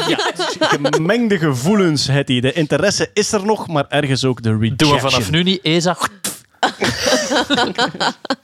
Ik heb een, ik heb een Valentijnspakket gekregen Ja, ja, van het is ESA. goed. En van, ik heb er zelfs een Ja. trui van aan. Oké, van jou houden ze dus wel. Goed voor jou. Goed voor jou. Het was het end. Je moet u eigenlijk gewoon niet inschrijven voor iets bij ESA. Dan houden ze van je. Of als je niet door bent, in uw, in uw jaaroverzicht zeggen stomme ESA. Een heel hoofdstuk stomme ESA in uw jaaroverzicht steken. Verder we dat we gedaan met Hetty. Zeg, ik ga naar de ruimte. Zeg, heb je gewoon ook heb je gewoon een uitnodiging gehad? Ja, morgen. Ah, Hetty. Ah, maar dat is al iets misgelopen. Ja, wij mogen allemaal naar die ja. Maar ik kan niet. Ik heb een, ik heb een, een babyborrel. Wilde jij mijn plaats gaan? Met een plus one. Sorry. Oh. Goed, maar dus fase 1 is afgerond van, Ja. van de paar tienduizend inschrijvingen. Meer dan 22.000. Zijn ze nu naar 800? Of? 1361. Ah, het was wat meer, omdat er meer inschrijvingen waren ook. Nee, ze hadden gezegd we gaan naar 1500 gaan. Uiteindelijk zijn ze naar iets meer dan 1300 gegaan. Dus ja, 6% ongeveer is door. Dus dat is nog 94% van mensen die hetzelfde nieuws als ik gekregen Maar hebben. dus ze Dat zijn wel zelfs niet gegaan tot het getal Nee, dat ze konden gaan. nee. Ah ja. Allee, I Dus die know. die afvallen waren echt wel niet geschikt. nee, nee, die ze echt niet hebben. Echt niet. Zeg, maar ehm, als ik me niet vergis, zijn die vanaf nu zo aan geheimhouding gebonden. Hè? Mogen die eigenlijk niks meer zeggen? Ah, wel, ja, ons? we hadden zo wat een oproep gedaan van als iemand... Ik had een aantal mails gekregen van, van vrouwen, ehm, maar ja, we hadden dan die oproep gedaan en dan had Jeroen in de mailbox Ja. toch gekregen van ja, wij moesten iemand, ja, een non-disclosure agreement Een vrouw, tekenen. ik mag haar Dus, ja. profiel niet zeggen, maar het is in de militaire sfeer. En die, ja, die, die gaat ons er meer over vertellen op het moment dat ze afvalt of het Ah, ja, haalt. oké. Want nu Ja. kan, Ja. kan dat niet. Ja. Ja, ça va. Maar goed, ze hadden ehm, bij inschrijving meer dan 75% mannen. Zeg. Ze hebben nu toch wel 4 op 10 vrouwen overgehouden. Dus die selectie voor Zeg, vrouwen maar als is je wel... nu Ah, mocht cool. zeggen Ja. dat je geselecteerd zegt, dan zou zeggen dat je afgevallen bent een hele goede strategie zijn. We zitten niet bij de Masked Singer. ik. Bij de mol of zo. De Masked Astronaut. Ja, nee, zie. Het is Pieter Loridon in de ruimte. moeten die nu uit en een masker opzetten, up, dood. Ja. Maar nog 50 Belgen over, waaronder 21 vrouwen. Dus dat is Oh, inderdaad cool. wel goed. Ja, ja, ja, ja. Ja, nice. En dus de volgende stap is dat ze naar Keulen moeten voor een Die of andere zijn er al geweest in Hamburg. Zijn ze normaal allemaal al geweest? Met de nafprijzen van nu. Dat is niet te Het doen, jong. Dat is Ah, Maar dat is al geweest, eigenlijk. ja, ik heb wel van een aantal mensen gehoord en foto's gezien online. Dus ik weet niet wat dat, dat is met die non-disclosure. Ah, ja. Allee. Een beetje interessant doen. Een beetje Misschien- ja, ik weet het niet, ik weet het niet. Ja, er zijn mensen echt al geweest. Psychologische testen. Ja, motorisch, een vliegtest ook, eh, fysica-wiskunde Ja. tests, eh, rekenoefeningen, dat soort dingen. Dus eh, ja, dat moet heel tof geweest zijn. Oké. ja. Eh, goed, en dan de volgende fase is... Zijn denk ik een stuk psychologische tests ook. Eh, en dan medische tests, heel veel medische tests, die komen later. En dan gesprekken. Maar als je dan aan de gesprekken zit, dan zit je wel al bij de laatste 50 of 100, denk ik. Dus, als we eh, gaan praten, zeg, dan moet het al Ja. ver. Maar tegen de herfst gaan ze, er, gaan ze eruit komen. Hè. De, vier nieuwe. Dus zo lang is het allemaal niet Oh, dat is meer. De daarna is nog Plopsaland de kikkertje. Ja, voilà, ja. Echt zo staan wachten aan de kikkertjes. Ik denk dat ze vandaag komen. Je hebt daar zo hard op getraind, heeft hij op die kikkertjes. En vooral, eh, je weet, in Plopsaland kunnen een keer een paar uur de voilà. kikkertjes. Ja, maar ja, ja. Maar misschien was dat al een test. ja. En die hebben al een non-disclosure, dus De die mogen dat niet komt naar de kikkertjes. We hebben de laagste trapwagen nodig die we kunnen vinden. We geraken zo laag niet.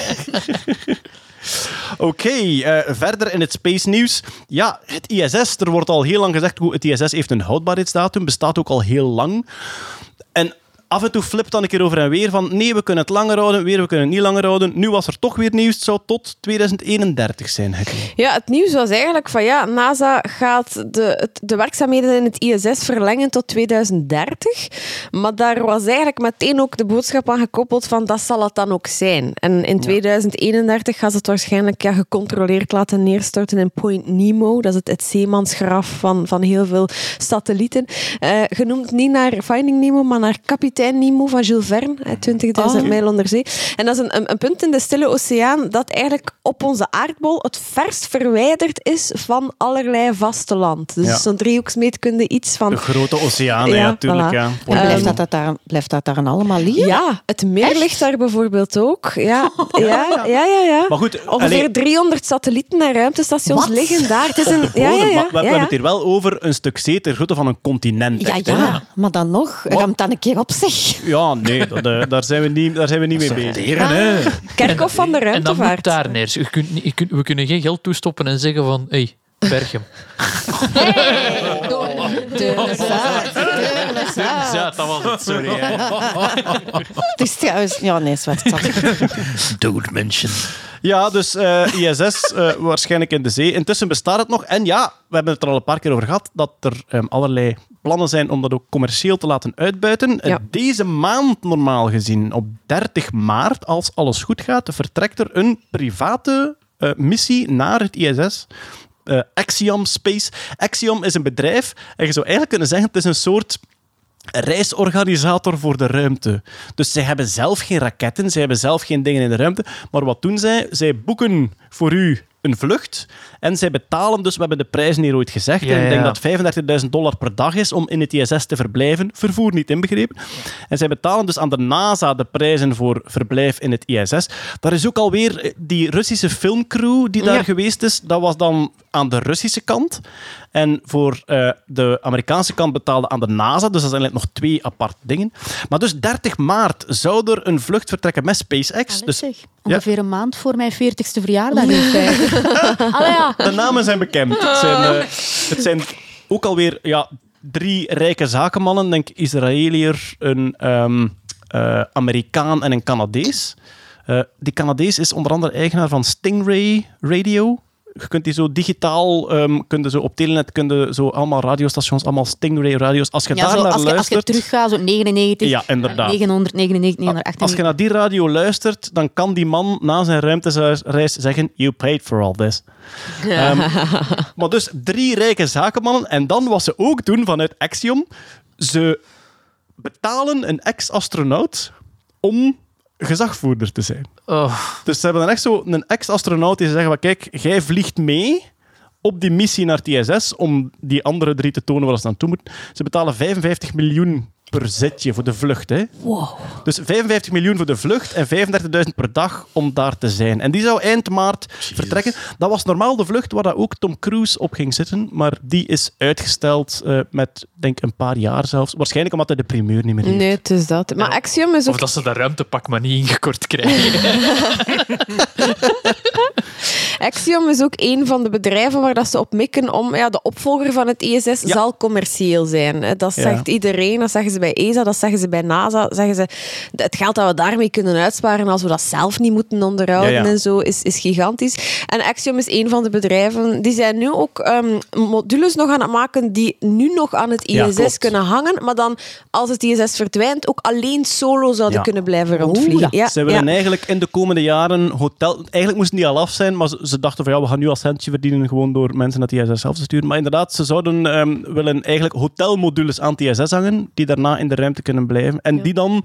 Want ja, zo hebben we al een paar 3D-renders zien passeren van eigenlijk ruimtehotels, zuiver voor toerisme, die zouden eh gelanceerd Ik zag daar straks op Twitter zo een foto side by side van het ISS en een Tiangong Space Station van de binnenkant. En dat was echt Ja. het jaren kant van het bureau en mijn Ja. kant van het bureau. Zo vol met kabels en vol met gedoe. En aan de andere kant zo clean. clean. En Apple-achtig. En wat was de clean kant? ISS? Ja, Ik, ik, ik heb kabels. Nee, de, de, de clean kant was de Chinese kant. Ah, vrees is echt, ja? Wie is de clean kant? Jij.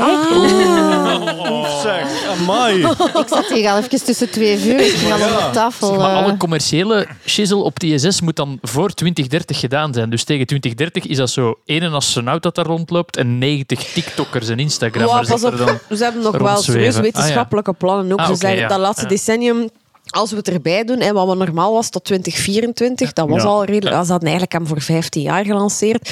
Eh, de, Frank de Winne zei, als we er tot 2030 bij doen, make it count. Dus we gaan daar ja. echt... eh, Dan geven die TikTokkers zo'n doosje mee met een paar experimentjes in. Dus, Het is niet uitbollen. Dat is Nee, een- totaal niet. Want ze willen nog heel die software daar gaan, gaan updaten. Want dat draait nu in, dat, in die Europese module nog... Allee, op die Windows Amerikaanse- 95? Nee, ja, software van de jaren 90. Dus ze willen dat nu gaan updaten. Een cloud gaan installeren. Dat als eh, wetenschappers daar een resultaat... Cloud gaan installeren. Zeg, we zijn hier met de cloud, hè. Nee, als wetenschappers een resultaat meegeven, dat ze dat op aarde direct kunnen allee, bekijken. Internet. Want zo- zo'n Zit USB jij dat is op Google Drive? zo'n USB-stickje, dat weegt toch snel... Allee, elke, elke gram telt hè, op zo'n ruimtelancering. Ja, ze hebben gewoon internet hè, van. Ja, ja. Maar ik moet eerlijk zijn, dat ISS is toch voor een stuk... Allee, voor mij is dat lang symbool geweest voor een soort vredevolle samenwerking tussen heel veel naties. Hè. Ondanks de, de geopolitieke verschillen tussen dan uiteraard eh, Rusland en Amerika vaak, ging het daar in het ISS wel goed. ah, in naam Ja. van de wetenschap. En als dat nu wegvalt, het is toch een stuk symbolische waarde die Ja. wegvalt. De hè. Pax Scientifica Ja. die, die terug wat Ja. gaan verdwijnen. Ja. Maar ik ben, ben momenteel aan, het- aan het researchen voor een grote ruimtetentoonstelling die er in Antwerpen gaat komen. Ja. Ehm, ja, met, met ja, allerlei prachtige replica's van ruimtetuig. Ik zeg hier wel heel mysterieus een ruimtetentoonstelling, maar ik mag het gewoon al aankondigen. Het gaat hem over Space, the Human Quest. Een grote tentoonstelling over ruimtevaart die vanaf april tot juni in Antwerpen zal staan. Met eh, ja, heel veel objecten die in de ruimte geweest zijn, eh, eigendommen van astronauten, eh, ruimtepakken, maar vooral, waar ik geweldig naar uitkijk, een hele hoop één op één replica's van ruimtetuigen. De maanlander, de Eagle, die zal daar staan als model op ware grootte. Er zal een Space Shuttle cockpit zijn, ook op ware grootte. En dus tussendoor heb ik allerlei eh, ruimte-anekdotes, ruimteverhaaltjes, weetjes opgenomen, die daar dan te beluisteren zullen zijn, terwijl je daar rondloopt. Alle info op eh, expospace.be en expo zonder e, dus xpospace.be. Dus ik zit volop in de research van de space race enzovoort. En wat merkte, uiteraard, de drijvende factor en where the money comes from en politiek is geweldig militair gedreven. Maar die astronauten zelf die kwamen overeen. Je hebt zo, eh, denk een, een, echt een, een klassieke vriendschap. Was het nu Leonov en Stafford, ik weet het niet juist, een Russische en Amerikaanse astronaut, die echt gewoon hartsvrienden geworden zijn. Midden in de Koude Oorlog. Zot, hè? Ja, dat is Ja. inderdaad. ja. Ik, vind, ik heb het ook altijd cool gevonden dat alle Amerikanen, allee, dat iedereen eigenlijk gewoon Russisch moest leren Ja. Als, as, allee, als astronaut. Hè. Ja. En dat, dat zo, allee, je, zou, het- je zou het omgekeerd denken. Hè. Je zou denken dat, dat de Amerikanen zouden zeggen van nee, nee, kom, alles in het Engels. Maar Ja. Maar Was dat ook niet om te kunnen luisteren wat die aan het zeggen waren? Omdat Wie er weet. mogelijk dingen verteld Ah, werden is dat, dat je zou zo? kunnen... Ja, dat heb ik Dat dan weer ooit wel. gelezen. Oh, dat het is van als, als Igor en Petrov tegen elkaar aan het babbelen zijn, zoek maar dat je goed opschrijft wat dat die aan het zeggen zijn. Oh, you sweet summer hij- Wat is child. hij over mij aan het zeggen? Wat is hij over mij aan het zeggen? Ja, voilà, kijk, het ISS eh, gaat eh, de zee induiken. Zeg, we zijn nu echt al bijna een uur bezig en we hebben het nog niet over James Webb gehad. Amai, het is afkikken. Is dat hier Het is kapot? afkikken.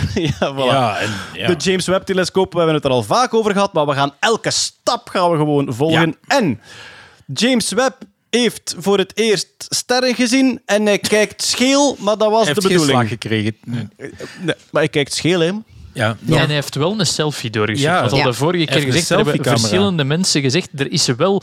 Maar het is niet echt een selfie. Het is een reflectie van... Het is een, een truc-selfie. Namelijk door, door het feit dat die spiegels nog niet afgesteld staan, ziet je de vorm van de zeshoekige spiegels in het licht dat terugvalt. Ja. Maar het is dus geen foto van zichzelf, maar het zijn eigenlijk artefacten die de exact dezelfde vorm hebben als een telescoop. Maar ik vind dat het telt als selfie. Ja, ik vind het ook. Het is heel Bedankt mooi. aan iedereen die gemaild heeft. Maar dus hij heeft, zich, hij heeft zich gericht op een sterretje en dat zag hij 18 keer. Dus hij kijkt 18voudig scheel, maar dat was eigenlijk de bedoeling. Ja. klopt. Het was een zeer heldere ster. En dat was ook de reden waarom dat hem naar die ster moest kijken. En ja, het is eigenlijk niet veel meer dan dat je zegt, maar iedere stap is spannend in de ontplooiing van Het James is Webb. een van de sterren in de Grote Beer. Hè. Een sterrenbeeld Grote Beer waar dat hij op gefocust heeft. En ja, elke spiegel reflecteert nog op een andere manier. Dus in plaats van één puntje ziet hij 18 puntjes. Maar dat gaan ze nu gebruiken om die Dus nu is het echt per nanometer, per puntjes. Nu is het echt zo... alineeren. Nu, zo een van de hele oude computerspelletjes. Een beetje, beetje ehm eh, Pong-achtig. Dat je zo echt zo met puntjes zit en die een beetje moet links en rechts duwen om allemaal samen te krijgen. Ja, Ja. Oké, voilà. Kijk, ja, we gaan zien. eh, er komt ongetwijfeld nog heel veel James Webb nieuws aan. Maar dan denk ik dat het nu ongeveer tijd is voor... Musk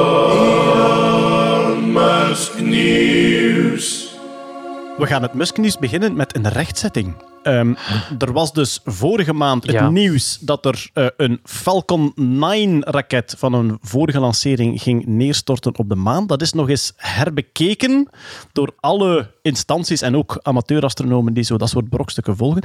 En het zou toch geen Falcon 9 van SpaceX zijn, maar een restant van de Chang'e 5-lancering. China.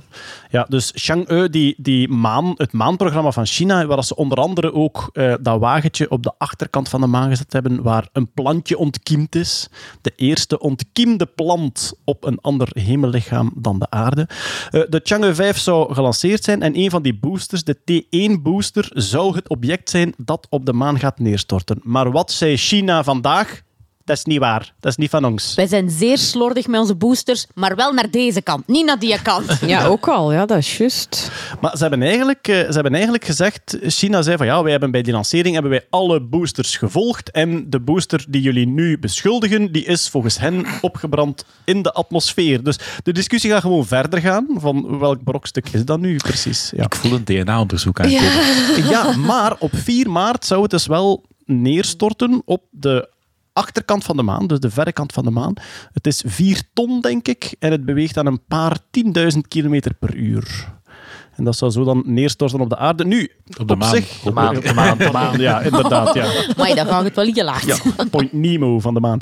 Ehm, maar eh, ja, op zich is het wel boeiend om te weten welk onderdeel het precies is, want dan kunnen ze het exacte gewicht bepalen en kunnen ze ook, want dat is wat ze eigenlijk interessant gaan vinden, de krater die dat maakt, aangezien dat ze de snelheid zo goed kennen, als ze ook het gewicht zo goed kennen, weten ze exact welke energie dat er vrijkomt bij die krater en kunnen ze zien van, ah, dat soort energie maakt dat soort kraters, dus kunnen ze van de andere kraters ook zien welk soort impact dat kan veroorzaakt hebben. Maar goed, ja, de discussie gaat dus verder gaan, want China zegt Ik denk dat ze dat ding maar pas gaan claimen als de onderzoek van de energie nieuwe inzichten oplevert. Dan gaat iedereen Ja. zeggen, Ja, het was van ons. Het was van ons. hè.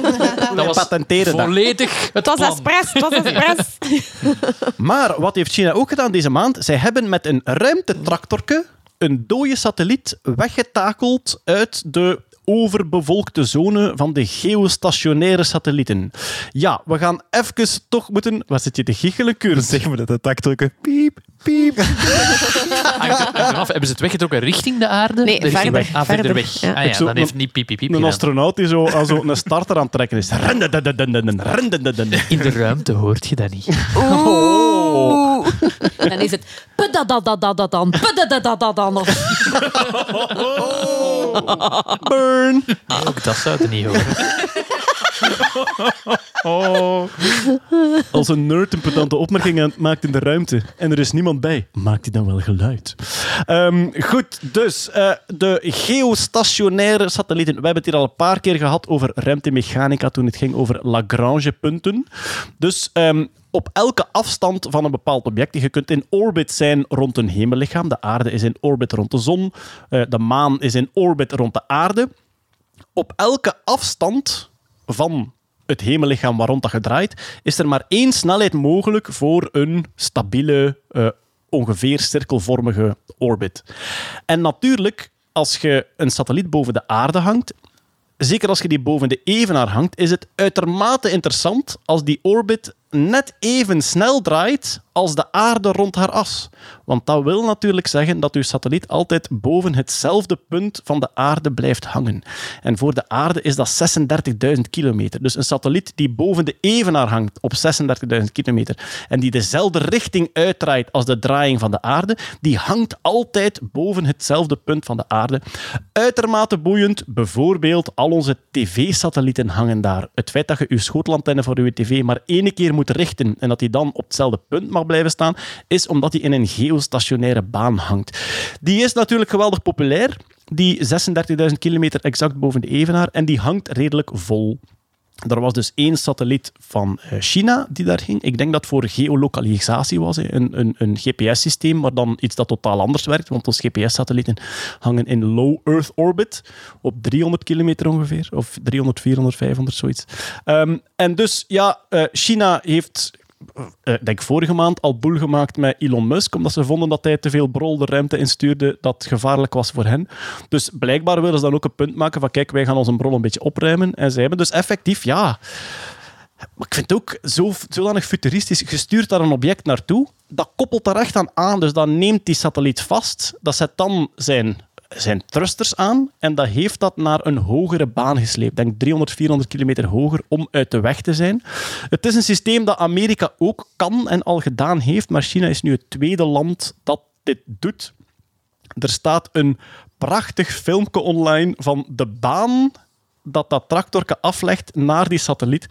En dat is echt Space Mechanics. Er is zo een of ander spel, Jeroen, uh, waarin dat je um, een ruimtevaart... Uh, uh, ja, dat je zo een soort ruimtevaart agentschap van aliens zijt. Kerbal Space Program. Kerbal Space Program. Ja. En onder andere XKCD, een van onze favoriete cartoonisten van xkcd.com, die zegt dat hij... Die heeft nog bij de NASA gewerkt als ingenieur. En die zegt dat hij meer van space mechanics geleerd heeft door Kerbal Space Program te spelen dan van al zijn studies in het middelbaar. Omdat, maar ja, daar moet je echt dingen in orbit brengen. En dan zie je van, als ik hier nu mijn thruster aanzet in die richting, dan wordt die orbit opeens ellipsvormig en dan moet ik daar corrigeren. Het leuke aan Kerbal Space Program is dat je veel kunt experimenteren en dat het altijd spectaculair fout loopt, maar dat je daar iets uit leert voor de volgende keer, zonder dat er echt mensen doodgaan. Dus voilà. snel itereren. Dat, ja. uh, zeg maar, in de andere richting kan het ook. Hè. Er zijn ook bedrijven die bezig zijn met uh, dingen te lanceren die zich vastklampen aan ruimtepuin en het mee richting de, de atmosfeer sleuren. Om, op te om het, om het op te branden. Ah ja, kan ook. De kamikaze-satelliet dan. Ja, het is een soort van microsatellieten met net voldoende thruster om het richting ja. de... Want dat is wel, als je zegt dat, dat, het, dat het opgeruimd is, dat is ook wel de definitie van opruimen. Gewoon ergens anders liggen. Ja, ja inderdaad. De ruimte is groot, we gaan het hier wel laten ja. draaien. Zo ruimt iedereen toch op? Ja.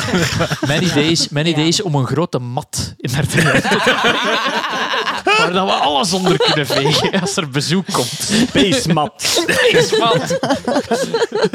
Wat dat er ook gebeurt, niet onder de mat kijken. Maar ik ga, ja, we gaan dat filmpje zeker ook ja. linken in maandoverzicht.nerdland.be. Je ziet echt een, een ja, het is zo een 3D-animatie van de baan die die satelliet afwerkt en hoe dat die heel traag spiraliseert naar de locatie van de target-satelliet om daar dan uiteindelijk bij uit te komen. Een bedenking die ik mij ook gemaakt had was...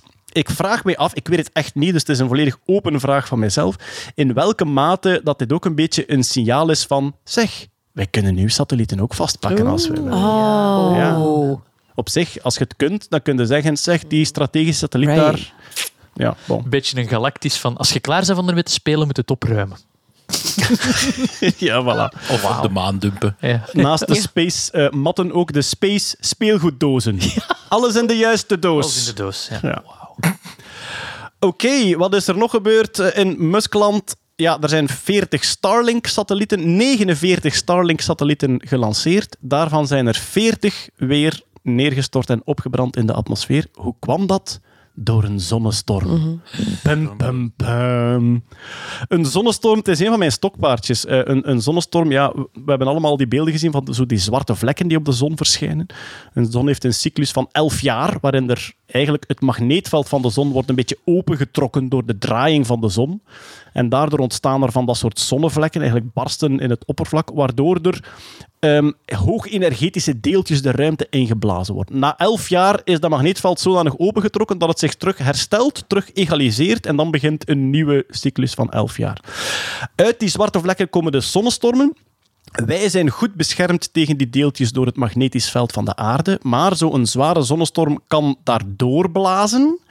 En wat is het probleem voor satellieten? Dat de atmosfeer door die energie opzwelt en dus eigenlijk eh, dikker wordt waar de satellieten hangen. Satellieten voelen nog een klein beetje weerstand en die verhoogt dus gigantisch als die net door een plek gaan waar een zonnestorm gepasseerd is. En dat is dus gebeurd bij 49 Starlink-satellieten die net gelanceerd waren en die nog redelijk laag gingen, denk 210 kilometer, die nog een beetje een booster moesten krijgen om naar een hogere baan te gaan. En die kwam te laat.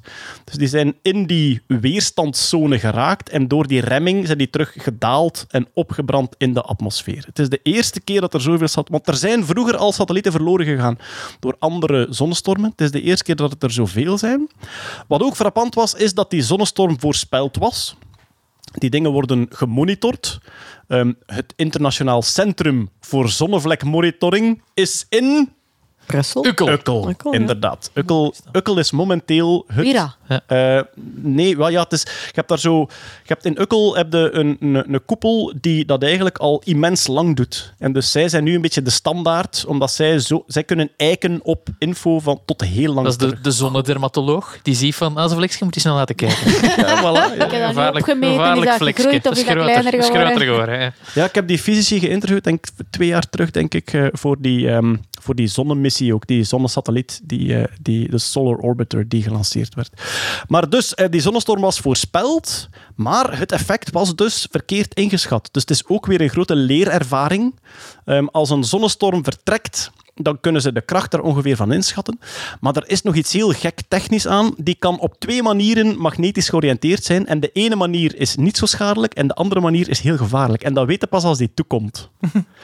maar waarom... Schrödinger's golf dan. Ja, maar waarom is, die, waarom is die zonnestorm voor mij al zo lang een stokpaardje? Omdat wij weten dat er om de 100, 200 jaar een hele zware zonnestorm passeert. Ehm, er Dat is was het gedaan met de radio. Eh, Ja, en de GPS. Ja. En, en heel veel communicatie, toch? ik denk in 1958... Radio. Maar ik denk in 1958 was er nog eentje die noorder ligt tot in Rome gaf.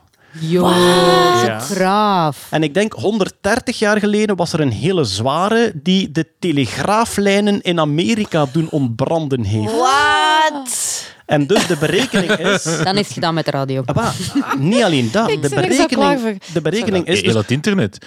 Ah, wel, maar ik heb ergens zo ehm, het gevoel... Er zijn vele dingen die om de 200 jaar voorkomen, die vroeger...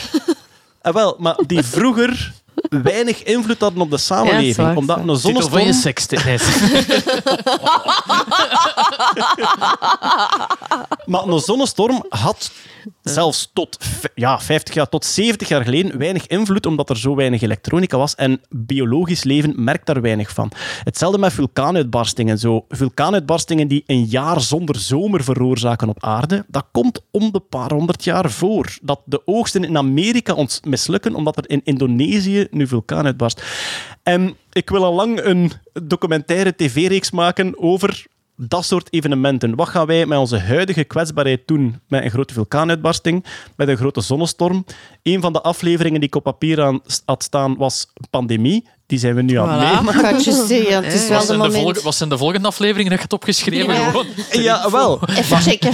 Pandemie, het is een kleine pandemie nu. Ja, ja, ja, we weten het, liever oké. mag het niet erger. Ja, voilà. Maar dus, een zonnestorm zoals 130 jaar geleden, ja, er gaan immens veel elektriciteitsnetten uitvallen. Er gaan hele serverparken gewoon blanco gewist zijn. Oh, ik denk wel, als je in een betonnen gebouw staat, dat je beschermd bent. Dus dat is al iets. Oh, de VRT is oké. Voilà. Maar Gewapend beton dan ook- toch, hoop ik. Hè? eh, satellieten, ja, eh, sommige gaan neerstorten, die die hoger hangen niet, maar die gaan misschien gewoon immense schade hebben aan de elektronische circuits. Ik ben heel benieuwd of wat er een berekening is wat er allemaal wegvalt in onze hoogtechnologische kwetsbare samenleving als er een hele zware Dat is een zonnestorm komt. idee voor een programma. Ik weet het, maar het is, gaat over wetenschap. Dus in Ja, Nederland... is kwijt En voilà. Nee, nee. Ja, nee. Nee, want ze willen het niet. Is het dan een programma over de, de bijwerkingen van een soort van effecten? De effecten van nee. Nee, maar dat, dat bionisch oog past daar eigenlijk ook Ja. voor een stuk in, vind ik. Van, ja. Ja. hè, als dat uitvalt... Ja, eigenlijk, wel... klimaatopwarming past daar Ja. ook op een manier in. Ja. Dat is ook iets wat, wat om de zoveel duizend jaar voorkomt. Alleen nooit zo snel als nu. Maar wat dat wij altijd onderschatten is de immense kwetsbaarheid van onze Ja. huidige welvaart en technologie. Vooral als die, niet- ontwikkelt in de pakweg 100 jaar tussen twee zonnestormen. Dat, is, wij super hebben- boeiend. Wij hebben geen stress. Er zijn, nog, Nee. er zijn nog heel weinig stresstesten geweest van onze huidige technologische Ja. welvaart. Dat Ja. is een beetje het punt, ja. Ah, nooit meer slapen. En dus... ehm, Maar ja, dat is wel... Zo'n zonnestorm, dat heeft een invloed op alles dat elektronisch is. ja, Alles. Dus, gelijk dat gezegd, zo peacemakers en... en Pacemakers. Ah, ja, u hebt... Sorry. Nee, Els. Ik ga het even opnieuw zeggen. Nee, Els, nee. Pacemaker. Dat is nooit gebeurd. Pacemakers en zo. Jij doet de montage zeker. Dat gaat, dat gaat weer magisch verdwenen zijn uit de aflevering. Ja, ja maar pacemakers is een goede vraag. Nu dat je het zegt, ik heb er nog niet bij stilgestaan. Als je, Ah, ja. als je niet in een betonnen gebouw zit, maar buiten loopt met je pacemaker, ik weet het niet eigenlijk. Dat is waarom ik een betonnen pacemaker heb. Of een betonnen jas. Ja, voilà. Maar kijk, ja, voilà. Ik heb, dat, ik heb het programma al voorgesteld, hoor, maar het gaat over wetenschap en in het Nederlands Ja, maar ja, we de daar gewoon... titel Doemdenken met wetenschap, dat pakt ook Nee, niet. nee. De titel is The Next Big Thing. Hey. En niemand wil dat. Ja, maar ik zal een keer naar Netflix moeten bellen. Scheir denk is ja. big thing. Al uw naam moet er toch altijd in Ja, zitten? dat is- Dat is, dat is echt vreselijk, ja. Dat mijn naam er altijd in moet. Maar ja, goed, ja, zo, marketing. Bon, maar dus kijk, eh, grote zonnestorm, een van mijn stokpaardjes. Maar dus nu kleine zonnestorm, 40 satellieten van Elon Musk. Die Scheurtjes in de schepping. Nee, sorry, ik ga stoppen. Ik ga stoppen. Ik, ga, ik ga stoppen. Klinkt gelijk iets voor Discovery Channel. Ik ga stoppen Dat is waar, ja, ja voor Discovery. National Geographic, Ja. Discovery. Mijn favoriete zenders. Ga er eens langs. Ja, voilà. Pas op. Schurende Je schijven. hebt het dan waarschijnlijk over Discovery Channel toen het nog over wetenschap ging en niet over ik ga Hitler's auto's, war op, machines. ja, ik ga auto's oplappen en Jawel, terugverkopen. allemaal. Allemaal leuk, allemaal leuk. Hey, hey, dat is kei leuk om te kijken. Ja, ja, ja. Daarom maken ze het hè, in plaats van wetenschapsprogramma's. Sorry, lieve. Of iets met knikkers of zo. Ja, Echt waar. Echt waar. Ik ben een halve avond van mijn leven kwijt aan een stom programma over BV's met knikkers. Zo slecht dat dat is, maar zo slecht. Maar Els, de concurrent, Oh, nee. Pax Media. Hey, Ik vind, je moet elk programma een keer gezien Ah, wel, hebben. ik heb het een keer gezien. Ik heb er nog altijd spijt van. Lieve teert nog een beetje op dat VTM-geld, hè? Dus, En binnenkort weer. hè, ja. inderdaad, ja. Ja, voilà, het is dat. Hè. Verdomme. Media. We hebben al zo weinig werk. De zenders gaan allemaal ten onder. Ja. Alright. Wat hebben we nog staan? Ja, Neuralink is een van de projecten van Musk waar we minder vaak iets van horen. Eh, hersenimplantaten, die al voorbeelden getoond hebben met apen die via hersengolven eh, ja, computerprogramma's konden besturen. Maar Stefanie, daar kwam toch dramatisch nieuws van dierenrechtenactivisten. Ja, er zijn een paar apen dood. Nu, eh, hoeveel apen, dat is niet zo heel duidelijk. Want allee, wat dat we hier lazen in de Belgische media was dat er 13 apen dood zouden zijn. Van de, hoeveel waren het? 23 apen Iets, die iets in daar... de eh, 20. Oké. Ja. Ehm, Die allemaal brain implants gekregen hadden. Ja, ja. Dus of dat, dat, of dat dat correct is, dat weet ik niet. De klacht komt van de Physicians Committee for Responsible Medicine. Dat is een eh, Amerikaanse non-profit organisatie bestaande uit een 17.000, allee, volgens hen 17.000 artsen, paramedici en eigenlijk hun voornaamste missie volgens hun website is om creating a healthier world through a new emphasis on plant-based nutrition and scientific research conducted ethically without using animals. Ja, dus dat is al direct natuurlijk de eerste verdedigingslijn van Neuralink, omdat ze zeggen van ja, maar kijk, dat zijn mensen die zich ja, tegen alle soorten dieren proeven. eh, Zou je het kunnen vergelijken met. Gaia hier? Een Ik beetje denk of het niet? nee, want, Nee? Het, nee, want het, zijn echt wel, het zijn echt wel artsen. En, en, Ja. Maar het zijn ja, artsen met een missie, met, met, een, met een agenda. Ze komen uit de wetenschap, maar ze zijn eh, principieel tegen elke vorm van dierenproeven. Eigenlijk. Ja, voilà.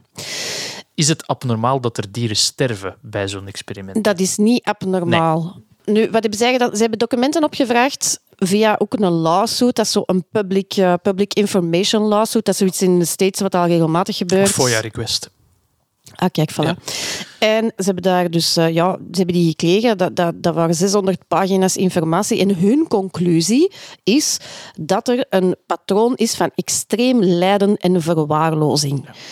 Ja, dat klinkt natuurlijk heel, heel slecht. Nou, Neuralink heeft daarop gereageerd met een zeer lengthy blogpost, waar dat je ook wel een beetje, ja, je moet er een beetje doorlezen. Maar ze hebben, ze hebben wel gespecifieerd wat dat er is gebeurd met die apen die dan zijn overleden. En zij zeggen, kijk, er, er zijn acht apen overleden. Hè. Eh, Twee, dat wisten ze al op voorhand, want dat waren geplande euthanasieën. Dus dat is eigenlijk in de eerste fase van het proces eh, gebruiken ze zowel kadavers als dieren die eigenlijk al ten dode zijn opgeschreven, die sowieso worden geëuthanaseerd. En dus twee daarvan ja, wisten ze van, die worden sowieso geëuthanaseerd. We gaan die toch nog een chip implanten en daarna gaan we histologisch onderzoek doen, hè, celonderzoek doen. Dat lijkt mij ja, redelijk Gepensioneerde apen om op te oefenen. Ja, ja, allee, ja die gingen toch Ja. Ten dode opgeschreven. Ja, voilà, ten dode opgeschreven, ja. En dan zijn er zes die dat, ja, ongepland waren. Die zijn ook geëuthanaseerd. Het is niet dat die eh, ja, gewoon zijn doodgevallen. En daarvan zeggen ze, ja, er is eentje door complicatie, door bioglue. Dat is zo, ja, het woord zegt het zelf. Hè. Dat is zo, in plaats van iemand te stitchen, gaat er dan een soort lijm gebruiken. En ja, blijkbaar was er dan toch iets met die lijm. Dan is er één door device failure. Ik vind dat wat vaag. Ja, wat is dat? Is dat batterij op of is het ontploft? Is dat een bionisch, een bionisch oog dat uitvalt? Eh, Voilà, dat weten we niet. Maar ze zijn wel geëuthanaseerd, dus ik veronderstel dat het niet is ontploft, want anders hadden ze niet moeten euthanaseren. Dat was de euthanasie. Eh, ja, ja. Alle slachtoffers in de Terminator-films zijn ook device. Allee, ik bedoel, Ook geëuthanaseerd, in feite. En dan zijn er vier device-related infections. Ja, dat kun je ook natuurlijk wel voorzien. Dat is altijd als je een implantaat doet, Ja. met transplantaties, ja, dat kan natuurlijk infecteren. Nu, zij zeggen ook van, kijk, dat waren allemaal apen die toen nog... Dat was in de eerste fase, waar dat ze toen samenwerkten met de Universiteit van Californië.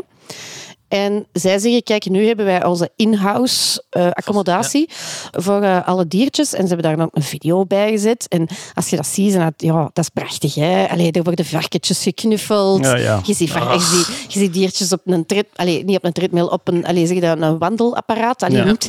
zegt- loopband. Een loopband, dank je. Een wandelapparaat, wel. En, en je denkt van, maar ja, dat is keigraaf. Dus ja, voor hun is er geen vuiltje aan de lucht. Ja, ik vind het heel moeilijk om over te oordelen, want ja, we zijn daar niet. Hè. Maar kijk, er, er zijn denk ik bij onze luisteraars nu eh, sowieso mensen die een geweldige aversie voelen tegen dierenproeven.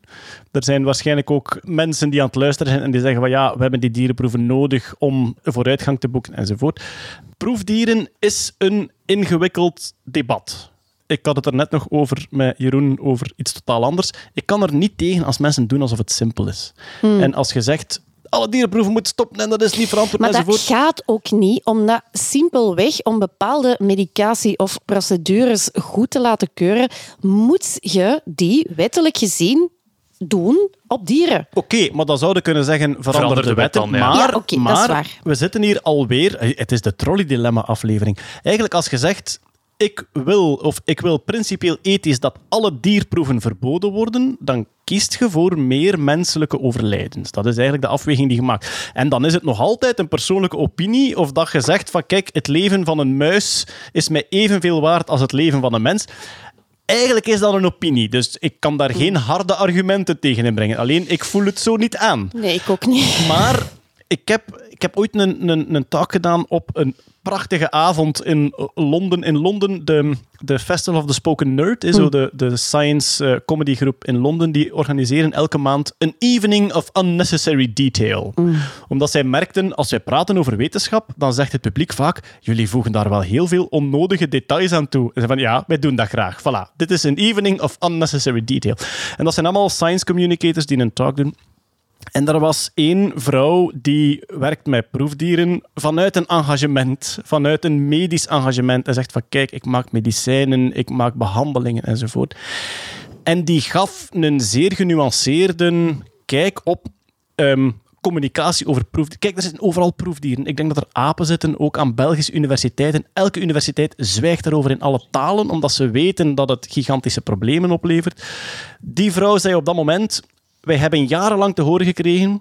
Zwijg over proefdieren, je krijgt miserie. Maar zij zei... Daardoor is het debat volledig gekaapt Ja. door de principiële tegenstanders, omdat wij niks mochten zeggen. En nu komen ze daar wat van terug. En kijk, dat je de uitwassen moet aanpakken en dat het niet de bedoeling is om dierenleed te veroorzaken. Ja, het moet ethisch gebeuren, Zomaar hè. om Ja. een fait divers te onderzoeken, dat lijkt mij nogal logisch. Maar doe niet alsof het simpel is, want dat is het niet. Ik denk ook dat het probleem hier ook een beetje is, omdat het Neuralink is en omdat dat allemaal nog redelijk vaag is, van Tuurlijk. wat gaan we daarmee doen? Ja. Moest dat nu zijn van, kijk, we zijn hier onderzoek aan het doen om zware epilepsie of Parkinson of, of, of Huntington of weet ik veel wat te gaan onderzoeken, dan denk ik dat, de, dat, er, minder, ja, dat er minder weerstand zou zijn. En nu is het Ja. meer zo van, ja, we weten nog niet wat we ermee doen of Nu zo. lijkt het een, een, snel, een snel bewegend, geldophalend Silicon Valley bedrijf dat heel snel evolutie wilt maken, die het misschien een beetje Mhm. losspeelt met deze regels. Zelfs als Musk-scepticus las ik dat en ik dacht natuurlijk van, ah, godverdomme apenmoordenaar. Maar ik weet ook wel dat dit... Allee, dat dit niet zo zwart-wit is als dat de berichten doen. Ja, en, eh, en primaten zijn ook altijd moeilijk. Hè. Het zijn Ja, makaken, dat ja. is, ja, dat is, dat zijn, ja, dat is Maar dat is het. bij ons. Hè. Allee, Ja, Ja, je hebt- met een buis zit dat niet. Hè. Ja, dat, ik je, het toch niet. je hebt de hele, je hebt de, de, ja, het hele spectrum van proefdieren als het gaat over mosbeertjes en tardigrades. Laat ja, ze in een shotgun en schiet ze tegen de ja, waar is de volgende? Maar ja, fruit, fruitvliegjes. Goh, Right. Ja. ik heb weinig goede gesprekken gevoerd met fruitvliegen. Ehm, en dan, en dan Met gaat, muizen Ah, daarentegen. maar Oké, maar dan gaan we naar muizen. En oké, het is nog altijd een prooidier die massaal kweken omdat ze weten, wij gaan toch dood allemaal. Maar het heeft wel een vachtje en op vier pootjes en je kunt het als huisdier houden enzovoort. En dan gaat het naar omhoog. Ja, beagles zijn ook een modelorganisme. Dat is lastig, hè. Ja. Want beagles, het zijn honden. Wat waar- voor rothondjes dat dat zijn. ja, maar ja, maar ja beagles, daar, daar hechten we aan. Dat zijn huisdieren, die zijn ook heel lief, heel Als schattig het, als het genezen van kanker zou afhangen van een dode poncho, sorry jongens, maar leer maar leven met kanker. Ja, voilà. En dan Ja, ja, nee. naar... Er is een heel boeiend boek geschreven over onze psychologische omgang met dieren. En dat, die heet... ehm, wacht hoor. We eten ze, we aaien ze, we haten ze, denk ik. Ja, kijk, dat is ook altijd zo het ding wat daarbij dan... dat- Het eerste wat dat mij dan... dat- Dan denk ik van, ja, ik snap het, maar jij eet wel vlees. En doe dan niet alsof dat, dat dier Ja. niet heeft geleden. Hè? Ja, je eet geen aap. Maar dan hangt er ook maar vanaf waar dat je woont. Want allee, als je in Gabon woonde, dan Maar je dat wel maar ja, goed, Oké, maar, Ja, een- bon. oké, maar een dierenrechtenactivist die Ga carrément, vaak, ja. die carrément tegen proeven is, dat zal een vegetariër of een Ja, veganist oké, dat is zal waar. een Dat is waar, veganist dat zijn, is waar. dat Maar toch de meest emotionele reacties, denk ik... Allee, dat is dat ook, het is, het is emotioneel. Like, als het Ja. rationeel is, dan, dan wil ik erover praten. Maar dat wil ik dan ook wel zeggen, want ik, ik, ik vind die een blogpost, ja, dat is allemaal goed en wel. En dat filmpje, maar dat is ook weer zo, ah, zo super Amerikaans. Dat is marketing, hè. en Ja. ja. en ik zie ook geen apen. Hè. Ik zie alleen maar biertjes en, en Ah, ja. zo. Hè. Ja, ik, wil, ik wil wel dan zien... Want Ja. Ja. ik wil dan wel echt zien, ja, oké, wat gebeurt er met die apen? En dan kunnen we klappen. Ja. Denk ja, ik. ik denk dat het geen kwaad kan om daar inderdaad een, een- een opvolging van te doen. Van, Mhm. Gebeurt dat hier ethisch? Dat, dat, dat Ja. kan geen kwaad, denk ik. Allee, wat er heel hard op ingezet wordt aan universiteiten, is zijn die drie V's. Hè. Eh, vervanging. Hè. Als je kunt door een ander model vervangen, een celkweek of zo, doe het dan. Hè. Vervang je proefdier. Ehm, vermindering, dat is die tweede V. Als je je, je statistisch resul- resultaat kunt halen met 15 dieren, dan moet je er geen 1500 gebruiken. En verfijning van zorgt dat de methodes waarmee dat je dingen uitleest of ze aan bepaalde experimenten onderwerpt, dat die zo, zo weinig mogelijk stress en lijden veroorzaken. Die drie V's. Ik denk En dat is algemeen, dat is een soort algemeen principe voor... voor eh, ja, dat zijn three R's in het Engels dan. Hè. Ehm, reduction, refinement en replacement. En dat is inderdaad iets wat, wat zeer gangbaar is. Ja. Jij hebt met proefdieren Ja. gewerkt ook, denk Ja. ik. Hè? En Ja. Ik neem aan dat, daar, dat je vanaf dat je eraan begint, dat je wel alle richtlijnen meekrijgt. Ja, absoluut. absoluut. dat dat niet lichtzinnig Een tweejarige opleiding moet je daar ook bij voor volgen. Dus Welke dat is diertjes? Muizen. Muizen. En dat was kankeronderzoek? Ja. Ja, oké. ja. Maar jij bent bang van muizen. Maar van zo grijze in de tuin, maar die in het labo waren wit en daar ben ik niet bang van. De kat een muis binnenbrengt, dan moet ik die die, die- Terwijl ik daar geen opleiding Maar voor nee. genoten ja, nee, ik sniet die open. Ik euthanaseerde die. Ik, ik was daar niet, ja, die zaten op mijn hand, maar die waren wit. Maar die in de tuin, die zijn grijs. En Oké, little bit of racism there. Dat, dat is ook, dat is ook- Els, witte verf kopen. Opgelost. maar, dat is, leren om alleen nog witte muizen te vangen. Maar dat is ook zoiets, inderdaad, de, de, de labmuis is niet meer de wilde muis. Hè. Die is nee, maar dat is waarschijnlijk ook iets mentaals. Hè, van, ah, oké, ik heb die onder controle, die witte. Ja. En, maar die, die grijs in onze hof, ja, dat loopt daar maar. Dat is ook iets puur Wild, emotioneel. wild. Ah. Ja. Je kunt niet om met vrijheid en vrije wil, dat is het eigenlijk. Wel voor witte muizen. Ja, voilà. All right. Voilà, kijk, maar dus Neuralink krijgt kritiek van dierenrechtenactivisten. Daar willen we niet licht overheen gaan. Eh, dat er ethische controle moet gebeuren, dat is nogal logisch. Ja. Maar het is geen simpel debat, eh, dierenproeven. En we gaan het hier niet oplossen voor jullie. Ik zet ook, ga ook eh, een link zetten in die maandoverzicht.nerdland.be naar die talk van die... Ja, die wil ik ook wel zien. ja, die onderzoeker die dat daar, ja, die deed eigenlijk een quiz met publiek. Die vroeg aan het publiek, wat mag ik nu wel en niet doen? Ah, en een van de dat dingen mij was... denken aan zo van een andere show. Ja. Ja, wel. Hadden dan zo kaartjes? Nee, nee, het was meer keuze. Maar een van haar vragen was, de elektriek is uitgevallen en er is een probleem in het labo. De airco in onze bureaus is kapot. De airco in onze eh refter is kapot en de temperatuurregeling van mijn proefdieren is kapot. Wat moet ik eerst herstellen? En dat is dus wettelijk eerst die proefdieren. Ah ja, natuurlijk. Ja, ja, voilà, ja. Maar nou, wel logisch. Ja, ja, voilà. Ja, wat dat, soort, eh, dat soort vragen stelden ze allemaal. En ook wat je mocht doen met de proefdieren als het onderzoek voorbij was. En je mocht die blijkbaar meenemen naar huis. Echt? Ja, maar heel strikt, die mogen natuurlijk niet ontsnappen. Maar je mocht, ze, je mocht eh, al je 1500 muizen houden als huisdier. Serieus? ja, blijkbaar wel. Voilà, een idee. Als het witte zijn. ja, eh, het is dat. Ja. En dan, eh, misschien moeten ze zelfs aan je kat voederen, ik weet het Ja, niet. maar hè. ons kat, ja. Dus wij denken ook, er is een veld Ja. achter ons huis en af en toe brengt hij een muis binnen, maar wij denken dat hij alleen als die per ongeluk een dode muis tegenkomt, dat hij die mee naar binnen brengt. Het is eigenlijk een beetje te dom om zelf muizen te vangen. Roadkill dat hij binnenbrengt. Zo. Ja, en dat zo de, de, de katten van de buren iets vangen en dat die dan zo, oh, hier ligt iets, stop, ik kan dat meenemen. Die koopt dat bij andere katten.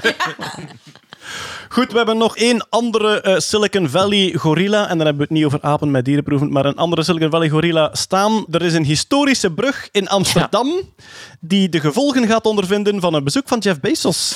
Jeff Bezos, het is geen bezoek van Jeff Bezos. Jeff Bezos heeft een luxejacht besteld, de, de I-721. Ik veronderstel dat het een werknaam is, bij de Nederlandse scheepsbouwer Ocean Co.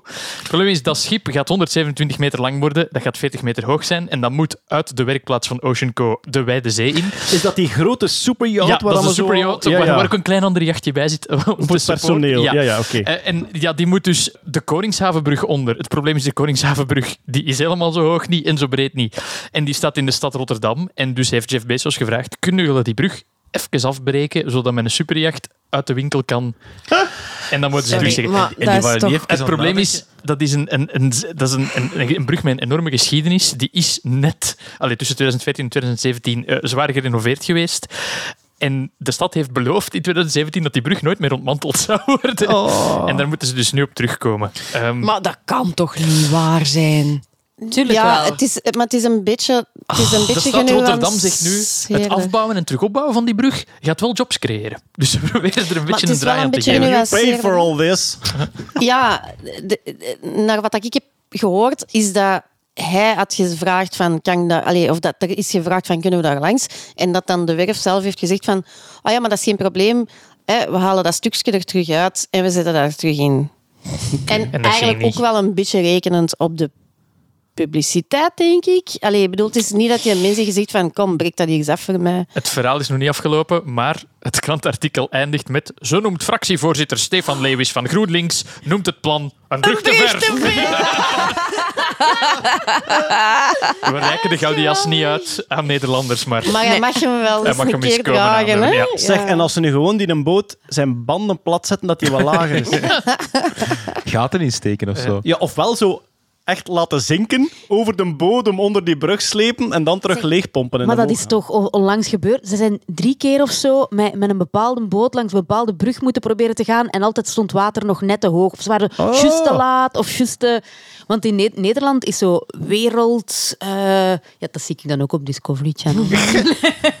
Die zijn zo wereldautoriteit op het bouwen van jachten en zo. Ja. Maar ze willen natuurlijk altijd groter en groter en groter. Maar Ja, je ja, moet ja. het inderdaad Maar dan kun je toch een keer hè. nadenken als ingenieur van we gaan hem na die brug bouwen. Ik, Ja, maar daar, li- daar ligt de droogdokken niet, hè? Het zijn geen twee stukken Duplo. Hè. Allee, Het is, het, is het grootste jacht ter wereld. Ja. Allee. Waarschijnlijk Het is als, ook niet eh, zo dat je een mast gewoon nog even kunnen omhoog trekken of zo, hè? Ik denk als Jeff Bezos daar staat met een paar miljard, dat je eerst tekent en dan aan de berekening begint. Zeker. Er is, eh, er is wel al een Facebook-event, eieren gooien naar het jacht van... Is dat een Nerdland uitstapje? Vooral omdat je op zo'n ei perfect het gezicht van Jeff Bezos kunt. Onherkenbaar is. Oké, we hebben nog een paar nieuwsjes af te werken. Tot zover het Musk-nieuws dus. Nog een paar nieuwsjes af te werken. Zoals, eh, het is in het nieuws, in het reguliere Ja. nieuws. Eh, er is een nieuw kernfusierecord gevestigd bij de JET, de Joint European Torus. Dat is een eh, Brits onderzoeksproject, maar misschien zullen we beginnen met kernfusie. Ik heb eens opgezocht wat dat kernfusie is, lieve. Ah, maar ja, Normaal kijk. bij, in een nucleaire reactor doen we aan kernsplijting. Dus we splitsen een kern, typisch van uranium en zo. En daar komt bij een splitsen van een kern komt er energie vrij. Die energie gebruiken we om water op te warmen, stoom. En met die stoom maken we elektriciteit. Nu, je kunt ook kernfusie doen. En wat doet je daarbij? Daar, eh, daarbij doet je, z- Lichte- maakt, je van, maakt je van twee kernen ene kern. Ja, wat, het- wat, wat er eigenlijk gebeurt is als je kijkt naar de energieinhoud van een kern. Als je twee lichte kernen samenbrengt, dan heeft de, de, ja, de nieuw gevormde kern die weegt ietsje minder dan de onderdelen. En die massa is omgezet in energie, dus E is mc kwadraat. En bij zware kernen is het omgekeerd. Als je een uraniumkern pakt en je breekt die in kleinere stukken, die kleinere stukken samen wegen minder dan de oorspronkelijke. En het punt eh, waar dat eigenlijk optimaal is, is ijzer. Dus via kernfusie in de zon bijvoorbeeld, via kernfusie kun je steeds zwaardere atomen maken, tot als je aan ijzer bent, en dan werkt dat niet meer. Want om van ijzer nog zwaarder te gaan, heb je energie nodig. En dat is hetgeen dat we Ja. vorige maand ook gezegd hadden, eh, het ontstaan van goud in het universum. Goud is zwaarder dan ijzer. Dus goud kan niet ontstaan zijn, denken ze nu, of zijn we ze vrij zeker, in eh, zonnen, eh, sterren, waar kernfusie is, maar moet ontstaan zijn in bijvoorbeeld neutronensterrenbotsingen. Het voordeel aan kernfusie tegenover kernsplijting is dat het eh, met deuterium en tritium gebeurt. Dat zijn isotopen van waterstof. Wat is een isotoop? Dat is een atoom, maar met een beetje minder protonen of een beetje minder neutronen, waardoor het ongeveer hetzelfde atoom is, maar niet helemaal. Het heeft eh, andere eigenschappen. Isotopen, hè? Isotopen, ja, dat zeg ik toch. Uw aantal, Ja. uw aantal protonen bepaalt welk atoom dat je bent. En dus als je één proton hebt, dan zijt je waterstof. Maar je kunt daar nog neutronen aan toevoegen. Heel bekend is koolstof 14 en koolstof 12 bijvoorbeeld. Niet alle isotopen zijn stabiel. Dat is ook om te zeggen. Inderdaad. Kunt Maar dus uw aantal protonen legt vast welk atoom dat je bent. En dus eh, deuterium en tritium is eigenlijk eh, waterstof, maar dan een gewoon waterstofje is enkel een proton. Eh, deuterium is een proton en een neutron. En tritium is een proton en twee neutronen. Wat komt er bij kernfusie vrij? Dat is dus die energie die je gebruikt om stoom en elektriciteit en ja. En ook gewoon helium, wat dat een, een, een gas is dat ook nog eens nuttig is en zo. Dus je zit niet met het, het typische afval dat honderdduizenden jaren radioactief blijft. Nu, allemaal goed en wel. Het probleem is om kernfusie te initiëren, heb je een enorm hoge temperatuur nodig. In de zon gebeurt er ook kernfusie, maar daar zit je met, om te beginnen, eh, enorme zwaartekracht. Eh, die dat druk, energie heeft, Ja. een grote druk.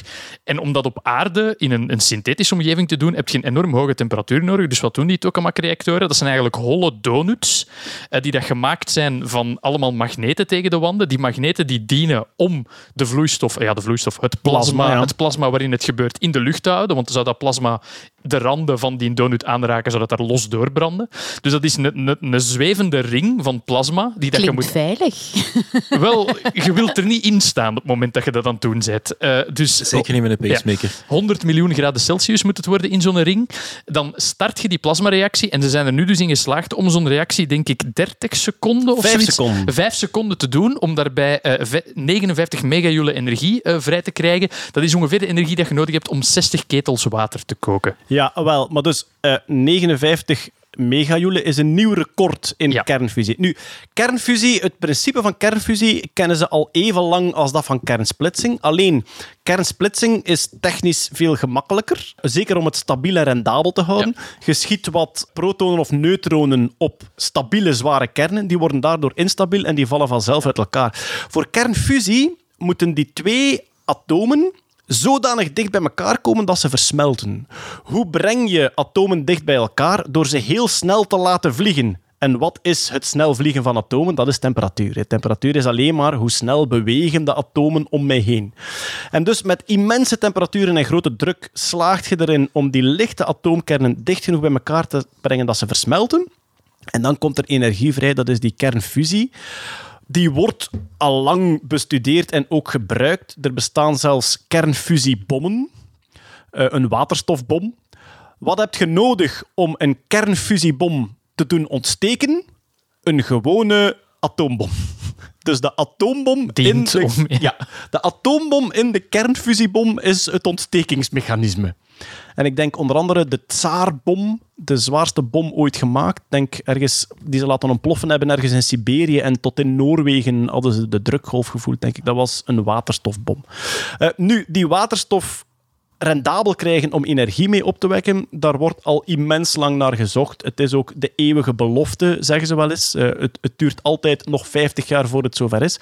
De reden dat we De, blijven de zoeken... kracht van een planeet in je zak. Ja, dat, maar dat, eh, de reden dat we blijven zoeken is omdat het immens veel zou oplossen. De grondstof is bijna onuitputtelijk. Deuterium, eh, deuterium haal je uit de zee. De reactie is veiliger, want als er iets misloopt, dan stopt de reactie vanzelf. Die dooft uit. Tegenover Ja. bij een klassieke kernsplijtingsreactor. Kijk, eh Chernobyl, eh, kijk, Ja. denk ik gedeeltelijk Fukushima ook. Ja. Als dat, daar, daar kun je runaway reactions hebben. Ja. Je moet dat koelen of de reactie eh, ja, probeert alle brandstof op te gebruiken. En dat is heel moeilijk te stoppen. En voor de kritische luisteraar die nu kwaad aan het worden is, een groen sprookje is het niet. Nee. Dus sommige mensen zeggen, er komt alleen maar helium vrij en daar kunnen we ballonnetjes mee oplaten. Nee, uw, ehm, uw reactor zelf zal nog altijd radioactief zijn. Er is nog altijd radioactief afval, maar we hebben het hier over de bergingsordes van honderden jaren en niet van honderdduizenden jaren. Dus het verschil in kernafval is immens tussen fusie en, en, eh, en fissie dan. Hè. Dus tussen splitsing of eh, samensmelting. En voor de mensen die nu mailen, snel bouwen die handel. Dat, dat is de oplossing van ons, van ons energieprobleem. De eerste werkende semi-commerciële kernfusiereactor wordt ten vroegste verwacht tegen 2050. En dat is dan nog met heel veel Ah, commas dus en asterisken bij. Het duurt altijd 30 tot 50 jaar. Maar we gaan even terug naar het nieuws dat er deze maand was. Dus in Engeland hebben ze een Joint European torus gebouwd. Dus die torus, gemaakt eigenlijk, een, ze noemen het alweer een magnetische fles, gemaakt met magneten, laat je dat plasma zweven. Er is iets met wetenschappers en flessen. ja, dat is zo. Maar dat plasma is zodanig heet, niks, geen enkel materiaal kan dat dragen. Dus je moet dat laten zweven. Wat heb je daarvoor nodig? Supermagneten. Wat heb je nodig voor supermagneten? Temperaturen van min 270 graden. Dus op een paar meter van elkaar heb je daar een paar miljoen graden Celsius en min 270 graden Celsius. Like waanzin. Die eh, torus is daar gebouwd in Engeland en daar hebben ze nu experimenten mee gedaan. Dat is eigenlijk een voorbereidende oefening voor de ITER-reactor. En de ITER is een immense reactor die nu in Frankrijk gebouwd wordt, internationaal project. En die als eerste reactor eigenlijk stabiele kernfusie zou moeten opwekken. Ik weet niet of... Ja, ik denk wel dat die meer energie zou leveren dan erin gaat. Maar ITER zou de voorbereiding zijn voor de eerste commerciële. Goed, wat is er nu gebeurd in Engeland? Ze hebben dus een energierecord gevestigd met een torusreactie. 59 megajoule. En in het persbericht stond genoeg om 300 laptops een uur te laten draaien.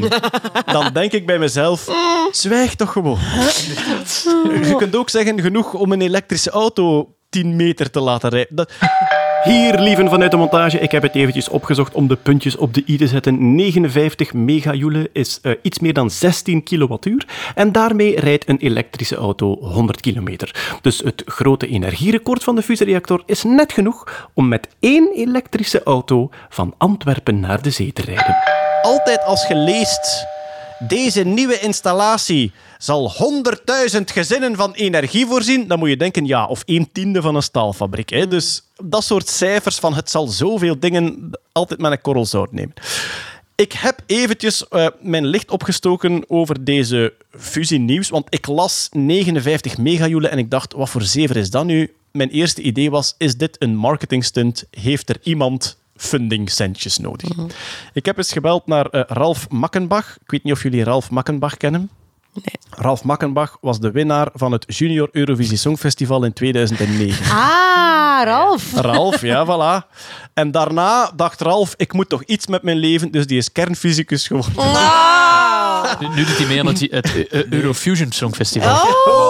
Maar die, die covert Laat de zon in je hart. ja, inderdaad.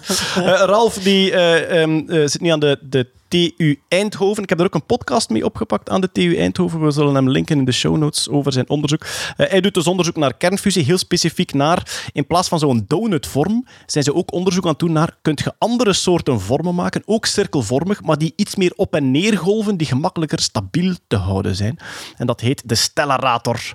En Ralf doet onderzoek naar dat soort stellaratoren en heeft onder andere eh, een eh, halsketting met daarop een 3D-geprinte stellarator. Die je eigenlijk met met zich meedraagt. Ik zie Kurt zijn oogstjes al fonkelen.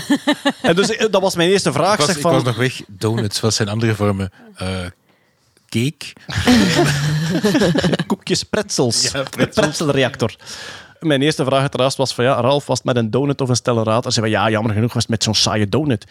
Ehm, maar ik heb hem ook gevraagd van wat is nu het belang? Want die 59 megajoule, allez, kom, hè, eh, laat ons even normaal praten. En hij, en hij heeft er mij eventjes doorgepraat en hij zei van kijk, het belangrijkste nu is, ehm, ze hebben vijf seconden die reactie stabiel gehouden. Dat is, eh, ja, niet evident. En dan denkt je bij jezelf, wat, vijf seconden? Ja, dat ding overhit onmiddellijk. Daarom is die ITER zo groot, omdat ze met schaalvergroting dat willen proberen opvangen. Wat is het grote belang van dit record? Het was een test van de modellen. Ehm, die, die hele reactie die is doorgerekend op allerlei manieren om te kijken wat kan er gebeuren, wat zal er gebeuren, hoe kunnen wij dat tweaken om dat bij te stellen, hoe moeten wij ons magneten aansturen om dat te doen enzovoort. Maar dat is allemaal op berekening en vorige proeven gebeurd. Zij hebben nu een niveau bereikt van energieën dat nog nooit bereikt geweest was. En zij hebben dat kunnen gebruiken om hun modellen te testen. Dus we hebben nu eer, voor het eerst experimentele data van die modellen. En wat bleek uit de persconferentie, die eh, komen perfect overeen met de modellen. En, zei Ralf, het zijn ook die modellen waar ITER op gebouwd is. Dus er is echt een soort... Bij de fusie... Ja, bij de fusiemannen is er nu echt van... Alright, oeh, ça wel. Dus, Juist gegokt, yeah! ja, dus er is effectief heel boeiende data uitgekomen. De modellen zijn bevestigd en het zijn modellen waar een miljardenproject op dit moment op gebouwd wordt. Valt niet omhoog, yay! Ander- Anders zet je een hele dure ondergrondse donut aan het bouwen voor niks waarschijnlijk. Ja, wel ja. Generator. Dus, eh, Nee, nee. Ja, ja, In inderdaad. Frankrijk is nog een donut. Ja. Ja. ITER is ook inderdaad de gewone donutvorm. Nu, wat was er ook in het nieuws de voorbije maand? Ze hebben eh, AI-systemen ingezet om de, ehm, de regeltechnieken van die donut. Dus want de, de regeltechnieken, hoe stel ik dat magneetveld af, wanneer geef ik hoeveel puls waar enzovoort, is blijkbaar een immens ingewikkelde berekening. Ze hebben daar nu een neuraal netwerk op losgelaten en die deed het beter dan de berekeningen. Dus het zou kunnen dat onze toekomstige fusiereactor dan ook nog eigenlijk een klein beetje door AI bestuurd wordt om alles daar stabiel te houden. Maar goed, wat moeten we onthouden? Er is een record gevestigd door het Joint European eh eh, Torus, eh, een onderzoeksproject naar kernfusie in Groot-Brittannië. Het energierecord van 59 megajoule, daar mag je gerust eens mee lachen. Maar de principes die getest en bewezen zijn en de modellen die bevestigd zijn, die zijn echt wel goed nieuws voor de kernfusie. Oké, we gaan naar de virussen. En we gaan naar nieuwe varianten. En dan denkt iedereen het die... Oh nee, is er een nieuwe variant van het eh, SARS-CoV-2-virus. Maar er zijn nog andere virussen, zoals HIV. Ja, en klopt. daar ontstaan blijkbaar ook nieuwe varianten. Ja, en eh, diegene die nu ontdekt is, wel ontdekt, eh, het is te zeggen, is waarschijnlijk een dertigtal jaar geleden al ontstaan. Maar ja, ja, ja. ja. Ehm, maar ze hebben hem nu allee, genetisch eh, gesequeneerd en ook ah, ja, gevonden bij welke populatie dat in zit en zo.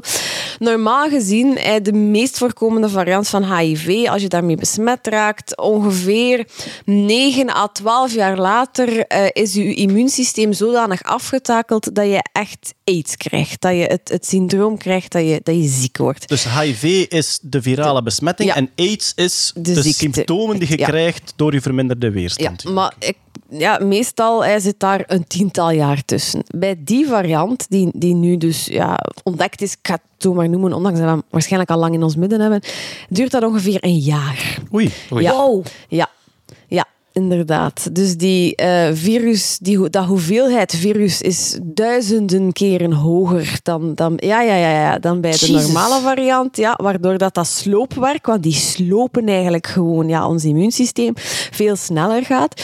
Ehm, het goede nieuws daar is wel, de bestaande medicatie, die werkt even goed. Ah, oké. Dus eh, allee, het moet gewoon vrij snel vastgesteld worden en inderdaad in gang gezet worden. Ehm, maar goed, ja, dat, dat zijn dingen, ja, inderdaad, met, met SARS-CoV-2 waar dat we ons nu bewuster van zijn, van oh, andere varianten, maar inderdaad, voor HIV blijven die ook en die muteren nog veel sneller. Ehm, er zijn ongeveer 250 mutaties ehm, ten opzichte van de, de, de dominante variant op dit moment dan. Dus het is, het is echt wel... eh, maar goed, die muteert vrij snel, eh dat HIV-virus. Maar ja, ehm, enerzijds zorgwekkend, omdat het dus ja, zoveel ziekmakender is. Anderzijds, goed, de medicatie werkt en ook hij is waarschijnlijk al een dertigtal jaar in omloop, dus het zal wel meevallen met die verspreiding daarvan ook waarschijnlijk. En hoe komt dat dan dat ze dat nu pas hebben ontdekt? Ja, dat is ja. Heel vaak wordt er gewoon, eh, weten ze, ja, we hebben 40 miljoen HIV-patiënten op deze planeet. Van, hey, de meerderheid weten gewoon niet welke variant dat ze besmet zijn. Dus dat begint nu onder andere door platformen die opgezet zijn voor COVID. Hè, die sequeneringen Maar en zo. ja, ja, ja, ja, ja. Is, is dat nu toevallig Ja. dat er nu een variant Nee. opduikt? Of Nee. hebben we daar nu de aandacht voor? Ja, inderdaad. Veel beter in kaart gebracht door ja, platformen dat we hebben en dingen die gewoon meegenomen zijn. En eh, ja, voilà. En wel, wel, ook een bedenking was zuiver evolutietheorie virus. Hè. Als je met de oorspronkelijke, het oorspronkelijke HIV tien jaar kunt rondlopen, dan kun je denk ik ook tien jaar lang mensen besmetten zonder dat je zelf weet dat je besmet bent. Als die aids pas zich later echt eh, ehm, opduikt. Terwijl als je binnen het jaar symptomen hebt, Ja. ga je het sneller weten. Ja. Dus misschien dat dat ook een remmende factor is op de evolutie van die variant. Kan, ja. maar kijk, het is nieuw, dus eh, er zal nog veel meer onderzoek nodig zijn.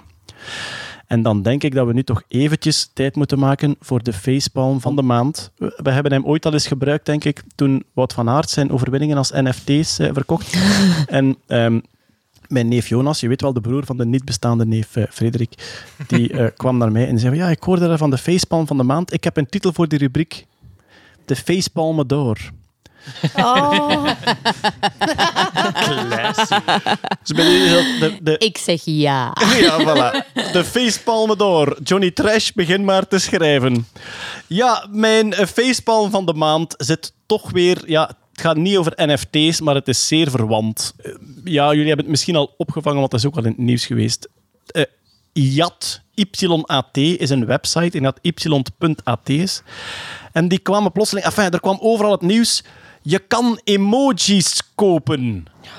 En dus celebrities konden dan zeggen: vanaf nu ben ik oh het smiley-emoji. En dan, je kon ofwel één emoji kopen. Ik ben nu de smiley. Ofwel konden een reeks kopen. Ik ben raketje, eh, robotje, aubergineke. Ja, dat is wel waar voor u. Ja. Ja, voilà. Je koopt, Ja. je Of koopt, zo raketje, kruisje. En zijn Ja, zij dan... ja. je, koopt, ja, je ja. koopt eigenlijk niet een emoji, je koopt een domeinnaam. En in de, de specificaties van het domeinnamensysteem mocht je niet alleen letters en cijfers in een domeinnaam gebruiken, maar ook emoji. Dus je koopt domeinnaam, dus kakske, kakske, kakske, punt, ei, punt, at. En dat is dan uw domeinnaam. En verschillende artiesten gebruiken dat nu. Ik denk dat Little Wayne, I don't know, diamantje, wietplant, eh stripper is, weet ik veel. En dat is dan zijn URL waarop dat linkt naar zijn muziek en zo. Maar dat Eh, doet, mij ook weer, dat doet mij ook weer zo denken aan die websites die sterren verkochten vroeger. Eh, waar dat dit is, gewoon... dit is Nee, anders. dit is Ja, veel dit, dit, klopt. Dit, allee, ik, ik vind Ja, het toch- ongelooflijk dat ik dit aan het verdedigen ben. Maar dit is net zoals jeroenbaart.be koop of Ja, lievescheire.be. nee, nee, het is zelfs minder. Dit is eigenlijk gewoon een bit.ly. Is een URL-verkorter. In plaats van dat er Right. bit.ly slash Joske staat, staat er nu bit.ly Ja. slash... Ik Maar vind dat dus- kakske vierkantje Maar dus, allee, om, om te tonen welk soort lucht het is, je koopt enkel maar die... Want het wordt nu echt in het nieuws gebracht als deze artiest heeft deze emoji gekocht. Ja, nee. Je hebt gewoon een domeinnaam gekocht waarin bepaalde letters voorkomen die Ja, het is- verwijzen naar die emoji. Dus eigenlijk... Om, om, het om het wetenschappelijk uit te drukken, het is echt een scheet in een fles. Ja, wel ja. Maar, oh, wacht eens, scheetfles, Zo, kunnen we, dat, ja. kunnen we dat kopen, kunnen we dat kopen op, eh, op Jat? Maar goed, denk, de, de single emojis die gaan een paar honderdduizend dollar. Eh, je kunt tot een reeks van vijf gaan en als je vijf niet populaire emojis achter elkaar hebt, dan is het zo een Dus paar gele dollar of zo. kabelbaan, gele ka- dat was de minst Ja. populaire emogie. Gele kabelbaan, Ik gele vind het wel kabelbaan. gele cool, eigenlijk. Geile kabelbaan, Eiffeltoren, eh klok-emoji voor drie uur. Eh die 1, 2, 3, dingen die 4. niemand gebruikt. Ja. Maar wat aan, mij, wat aan mij het meest irriteert eraan... Enfin, er zijn vele dingen die mij geweldig irriteren. Ja, dus dat is sowieso dat het luchtverkopen is, dat het, verkocht, dat, nee, dat het getoond wordt als je kan deze emoji kopen. Nee, dat kun je niet. Dat is juist gelijk bij die fucking NFT's. Je kunt geen overwinning van Wout van Aert kopen. Dat is zever... Nee, niet rustig, Jeroen.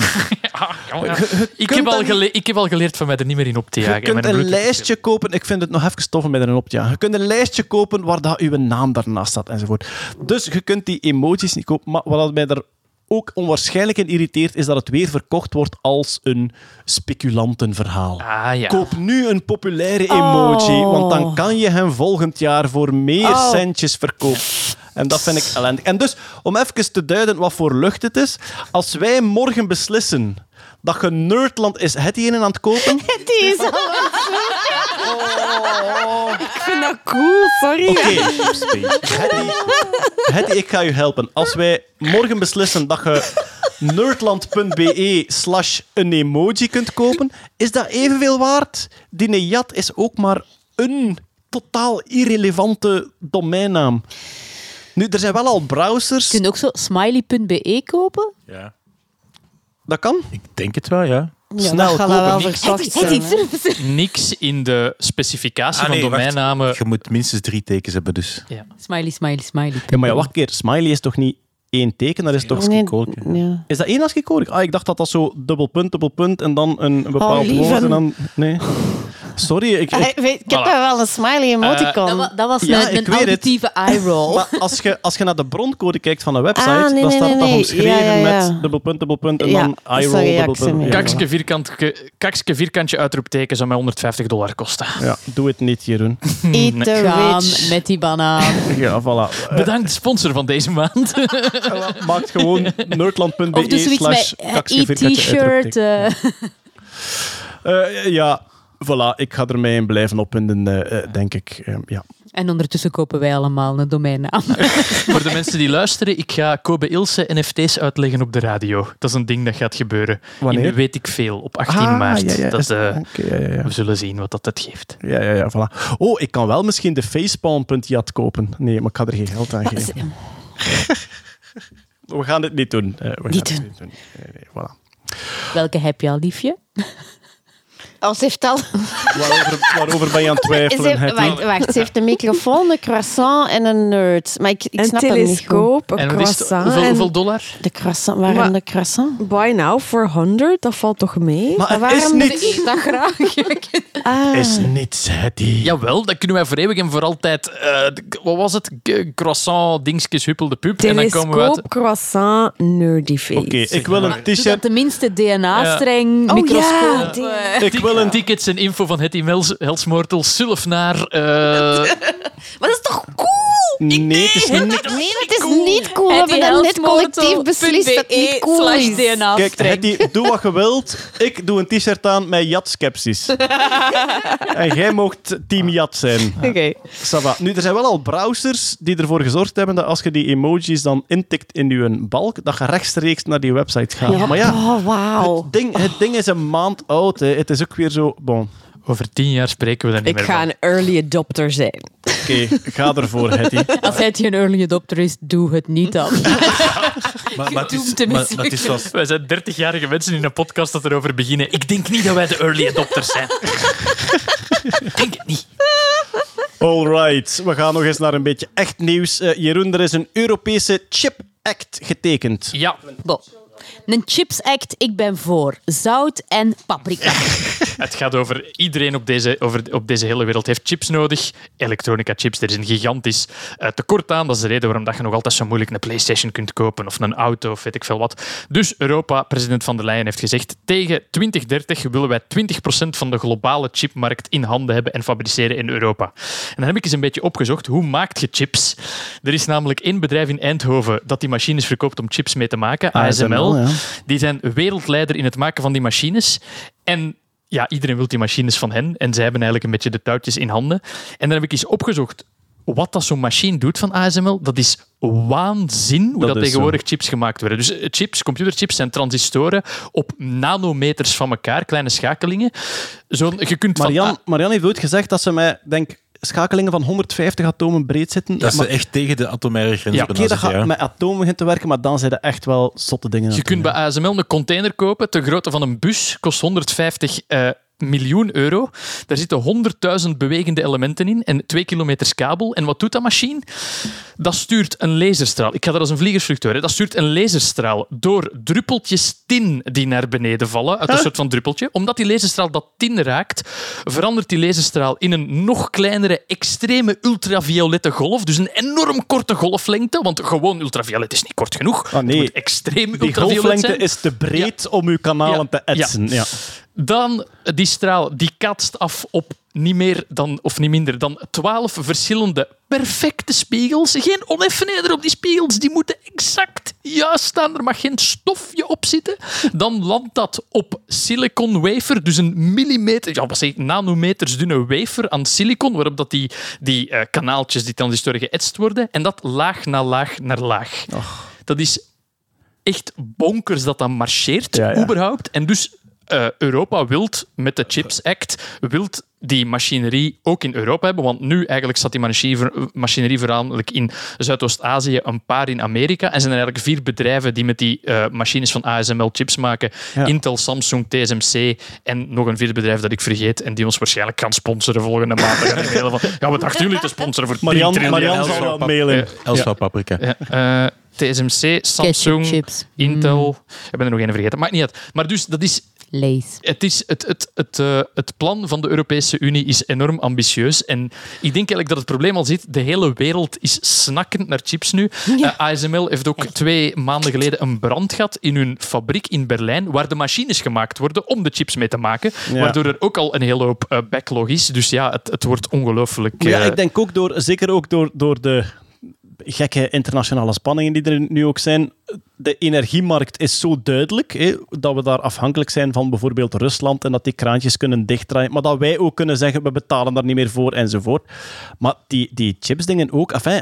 Er wordt weer echt nagedacht over wat zijn onze ehm, strategische voorraden op eigen grondgebied. Stel dat de grondgebieden weer van elkaar afgesneden worden. En we komen uit 70 jaar van make economy not war. En pas op, dat werkt ergens wel. Hè. Het feit dat, je, dat economische belangen nu drijvender geweest zijn voor de vrede dan ooit tevoren, ik vind dat wel tof. Make economy not war, ça va wel. Liever dan oorlog.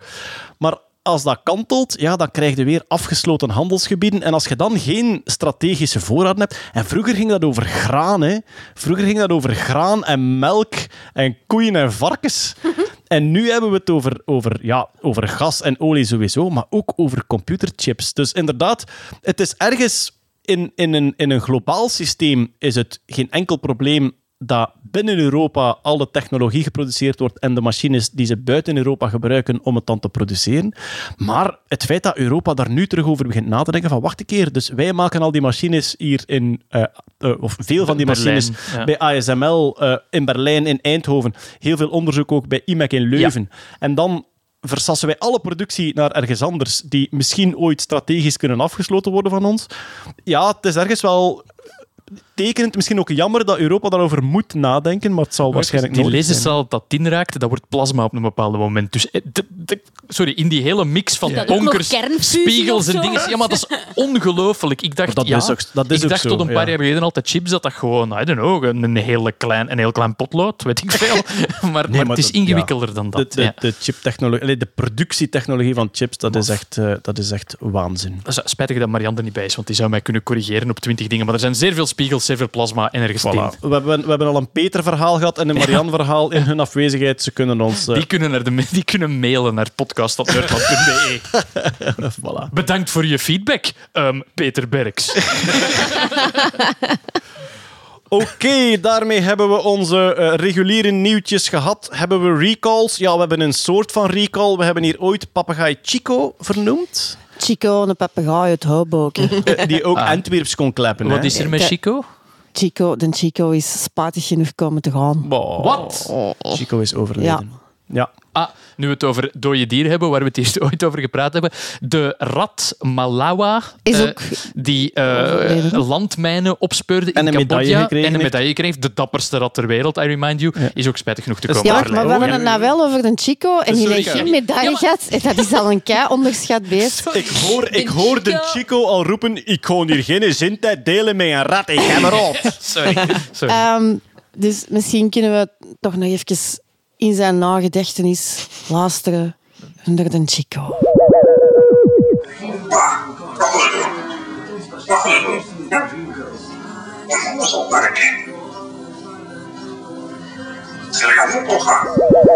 Maar het staat Allee. op. hoe, hoe is hij komen te overlijden? Zijn het Eh, natuurlijke... Ja, Chico heeft een, heeft een hartaanval gehad. Op zijn bakkenschet.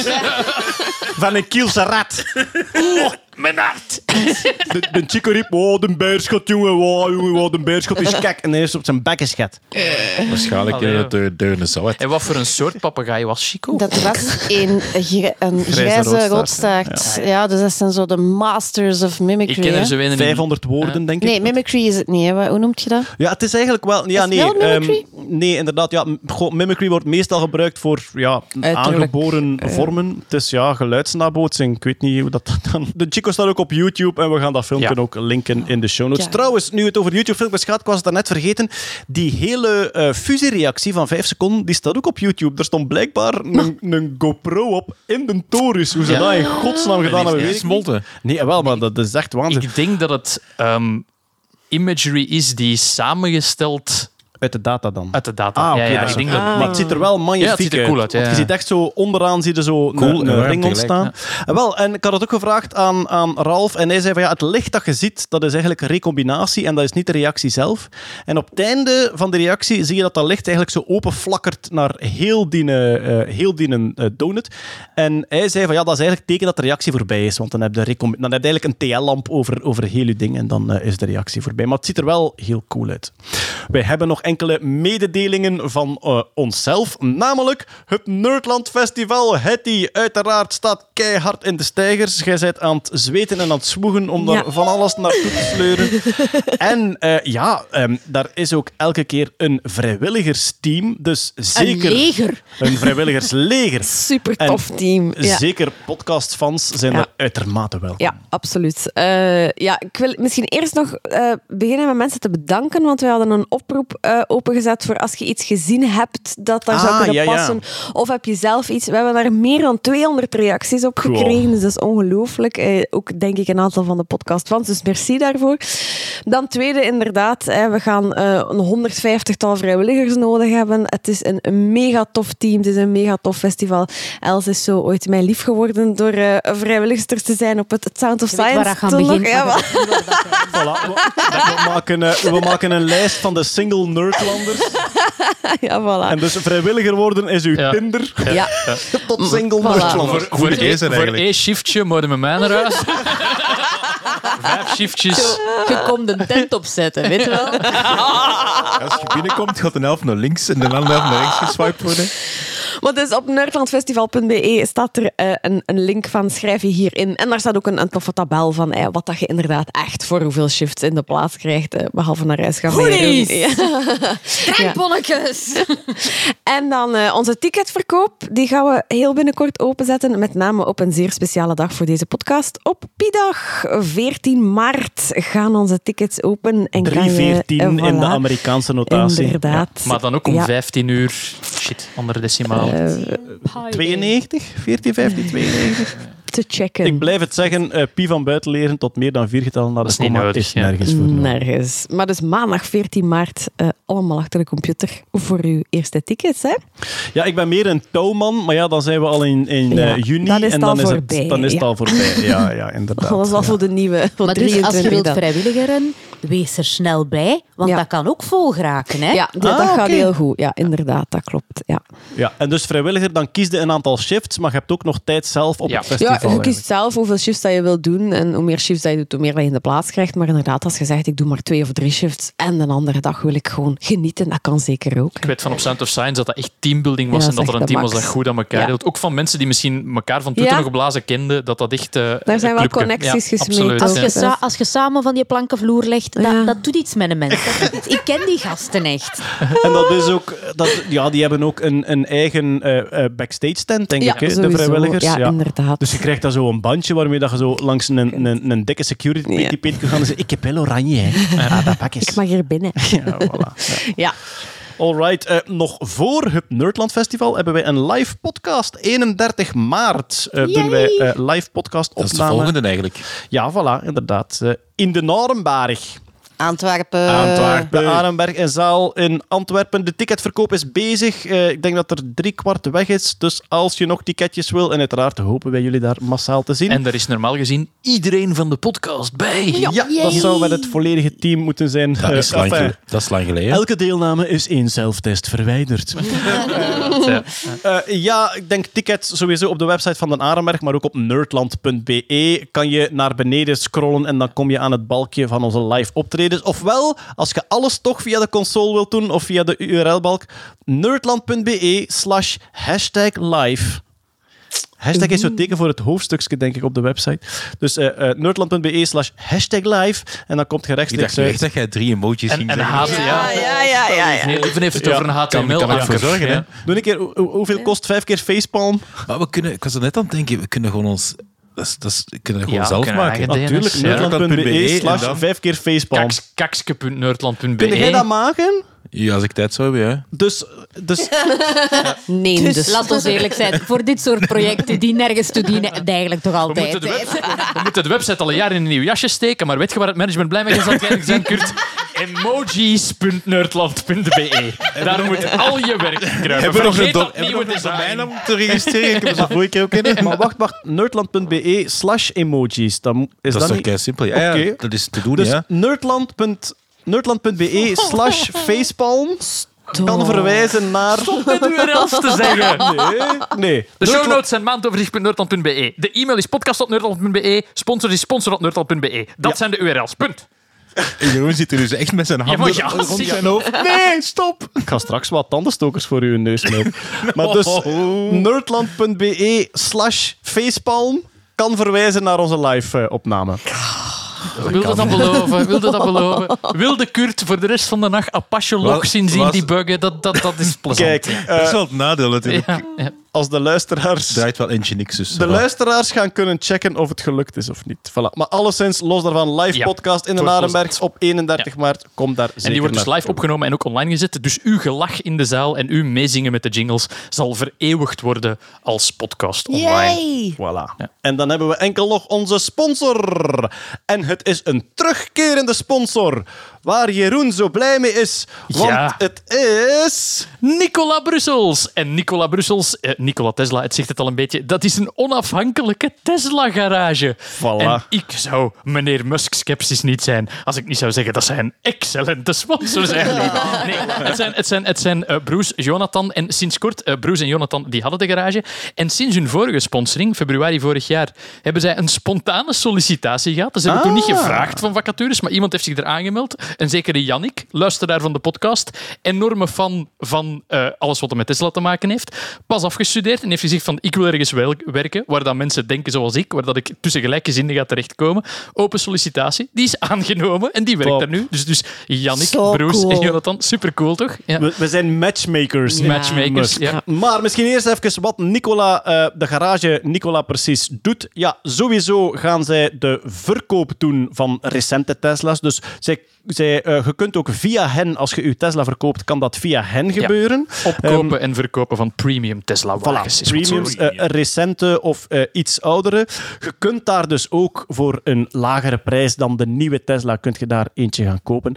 Maar zij doen veel meer. Je kunt ook je Tesla laten wrappen, Ja. laten stickeren, want ehm, Tesla wordt maar verkocht in een heel beperkt aantal kleuren. Net, Veel te weinig. Ah, wel, maar vooral om, die, om, om dat productiekost naar beneden te halen. Vijf maar al, hè. Ah, wel, natuurlijk, maar dat, is, maar dat is een immense besparing op Ja, ik kan dat productiekosten. geloven, maar dat, dat is niet goed, ja. Ah, voilà. Maar dus, wat kan je doen, Hetty? Je kunt die ene kopen in het goedkoopste kleur dat je kunt Ja. vinden. En dan kun je naar Nicola gaan en zeggen, stickert hem Dat nu cool. in Ja. dat. Dat is de Ze bedoeling. hebben de meest zotte designs. Je kunt dan ook je deurklinkjes laten in een aparte kleur zetten. Je kunt hem laten chromed out.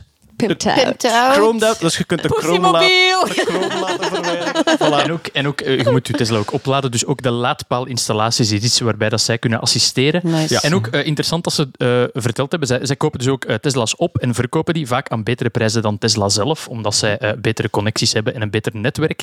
Ehm, zij, er is nu een, een serieus handeltje in Tesla Roadsters, want dat wist ik niet. Tesla Roadster, dat is de, de eerste wagen die Tesla gemaakt heeft. Daar zijn er niet zoveel van gemaakt. Oh, Er zijn er, er zijn er 2000 2500 gemaakt, waarvan er nog 2499 op aarde zijn. Ja. Want eentje daarvan die draait in een baan rond de zon. What a waste. Dat is die die door... Heeft er eh, iemand al daarmee gereden of mee meegereden? Met welke? Met een roadster? Met een roadster. Ik heb één keer in een roadster gezeten, ja. Ah, godverdomme, ook. jij moest nee zeggen, want dan kon ik zeggen van, ik wel. Ah. Gatverdrie. Maar Er- graaf, er, is, hè? er is zelfs iemand met een roadster naar onze watchparty van de Falcon Heavy gekomen. Oh, Iemand wauw. met een witte roadster, eh, die, die kwam daar eh, Ja, kwam wit vind ik wel wat minder. Maar ja, de kijk, roadster. Je kunt dat bestikken. Je kunt dat rappen. Ja. Brussels. De roadster is jaar na jaar in waarde gedaald. En wat melden ze ons nu van Nicola? Die is nu aan het stijgen. Die krijgt plotseling oldtimerwaarde. Ja, het zou wel zijn. Ze hebben zelf een, een, een originele roadster in de, de vitrine staan die ze niet verkopen. Dat is een collector's item. Ja, de- Jo- Jonathan en Bruce eh, en eh, ja, Jannik nu ook verzamelen ook alles dat met Tesla te maken heeft. Nice. Ze hebben de, de Tesla vlammenwerper, de shorts, alles, alles. Ze moeten het Ja, hebben. De Ehm, tequila, ze hebben ook ehm, Starlink eh, internet. internet, ja, maar voilà. jij had het eerst. hè. Had het Ja, dat is waar. Ja, ja, ja, ja. Maar ik heb wel, met hen, ik heb wel met hen gechat over... Star- Dus we hebben echt zo een Starlink-conversatie Ja. gedaan. Zeg, maar jij vroeg ons ook af, hebben wij die mensen eigenlijk ooit al eh, Musk en Musk Skepsis t-shirts gestuurd? We gaan ze we gaan, alle we gaan twee dus dingen en we ja. zullen dan kijken wat dat er gedragen wordt. Ja. We hebben ook een serieuze container Musk Skepsis waar dat we vanaf moeten.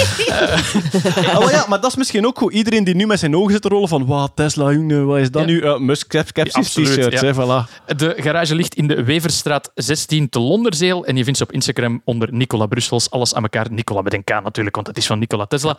Ehm, ja, we zijn weer super blij met hun sponsoring. Eh, het, het, het is zo'n...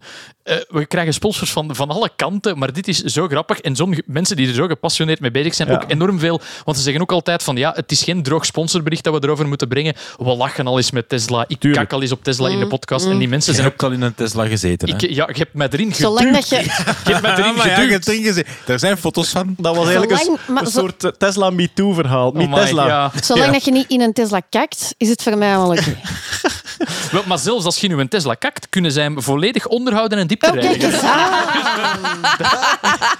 Ik ga nog één, want zij, zij hebben redelijk wat producten die Tesla gerelateerd zijn. Er zijn, ja, dan heb je zo spatborden en, en, en ehm, aparte winterbanden, eh, zanten, gelijk dat we zeggen. Hè, zo eh, wieltoppen, gelijk wat Winter- en zomervelgen zijn vaak onmiddellijk in stoken beschikbaar, lees ik hier. Dat is ook een voordeel als je, als je een, een eh, een tweedehands Tesla koopt bij hen, is die ook onmiddellijk leverbaar. ja. Hè? Die, die staat daar, dus je moet niet wachten op levertermijn tot als de boot gekomen is enzovoort. Very maar cool. ze hebben heel veel productjes. Eentje dat ik zag passeren, waarvan wat dat, ken je dat, dat je zo even met je muisknop boven de besteldingen aan het hoeveren bent en dan je zegt, wat zou ik, zou ik niet.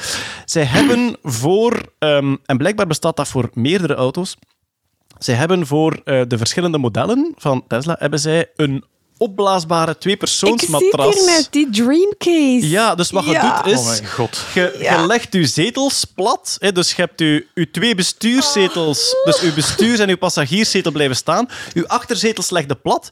En ze hebben een luchtmatras die perfect gevormd is om de vorm van de koffer te vol, eh, volgen. Maar ook nog eens de beenruimte van de achterbank te vullen. En dus wat kun je doen? Je kunt eigenlijk in je koffer een tweepersoonsmatras opblazen en daarin dan slapen. En, Ik vind het belachelijk, maar het is een sponsor, dus super lieve. ja. Ja, nee, ik heb zoveel goesting om hem te kopen. Maar nog even aan het twijfelen. Misschien wil ik hem eerst een keer testen of zo. Maar eh, ja, we gaan wel zien. Great Oh, for ik zie nu echt, ik zie nu Ja. echt zo'n agent tegen uw raam tikken, te- tegen die bestoomde ruiten. Ah, wel, ah, wel, ah, wel, ah, wel. Wat zijn we hier aan het doen? Ja, voilà. En dan ga ik in vijf seconden naar 200 per uur en ziet hij mij nooit meer terug. En ik heb het hier niet over de notto, hè, Cameron. zeggen. Is dat niet verder van de waarheid? Ga je dit lift niet? Daar die jij de lift niet vuist. Nicola-brussels.be in Londerzeel. Ga eens kijken. Eh, bedankt voor de sponsoring. En ja, tot volgend jaar. Ik hoop dat ze er weer een medewerker uithalen. Ah ja, Eh, we gaan dat, Kijk, dat ja. bedrijf daar eh, stevig doen groeien. Ik weet niet hoeveel volk dat ze nodig hebben, maar we gaan wel zien. Alright, daarmee zijn we aan het einde gekomen. En dan dank ik uiteraard Stefanie Degene. Hey. Hetty Helsmoortel. Met veel plezier. Kurt Beheid. Jawel. Jeroen Baar. En Els Ciao, Aert. Kerbijkes. En ik dank jullie natuurlijk om te luisteren. Helemaal tot hier. Graag tot de volgende keer. Dag. Bye.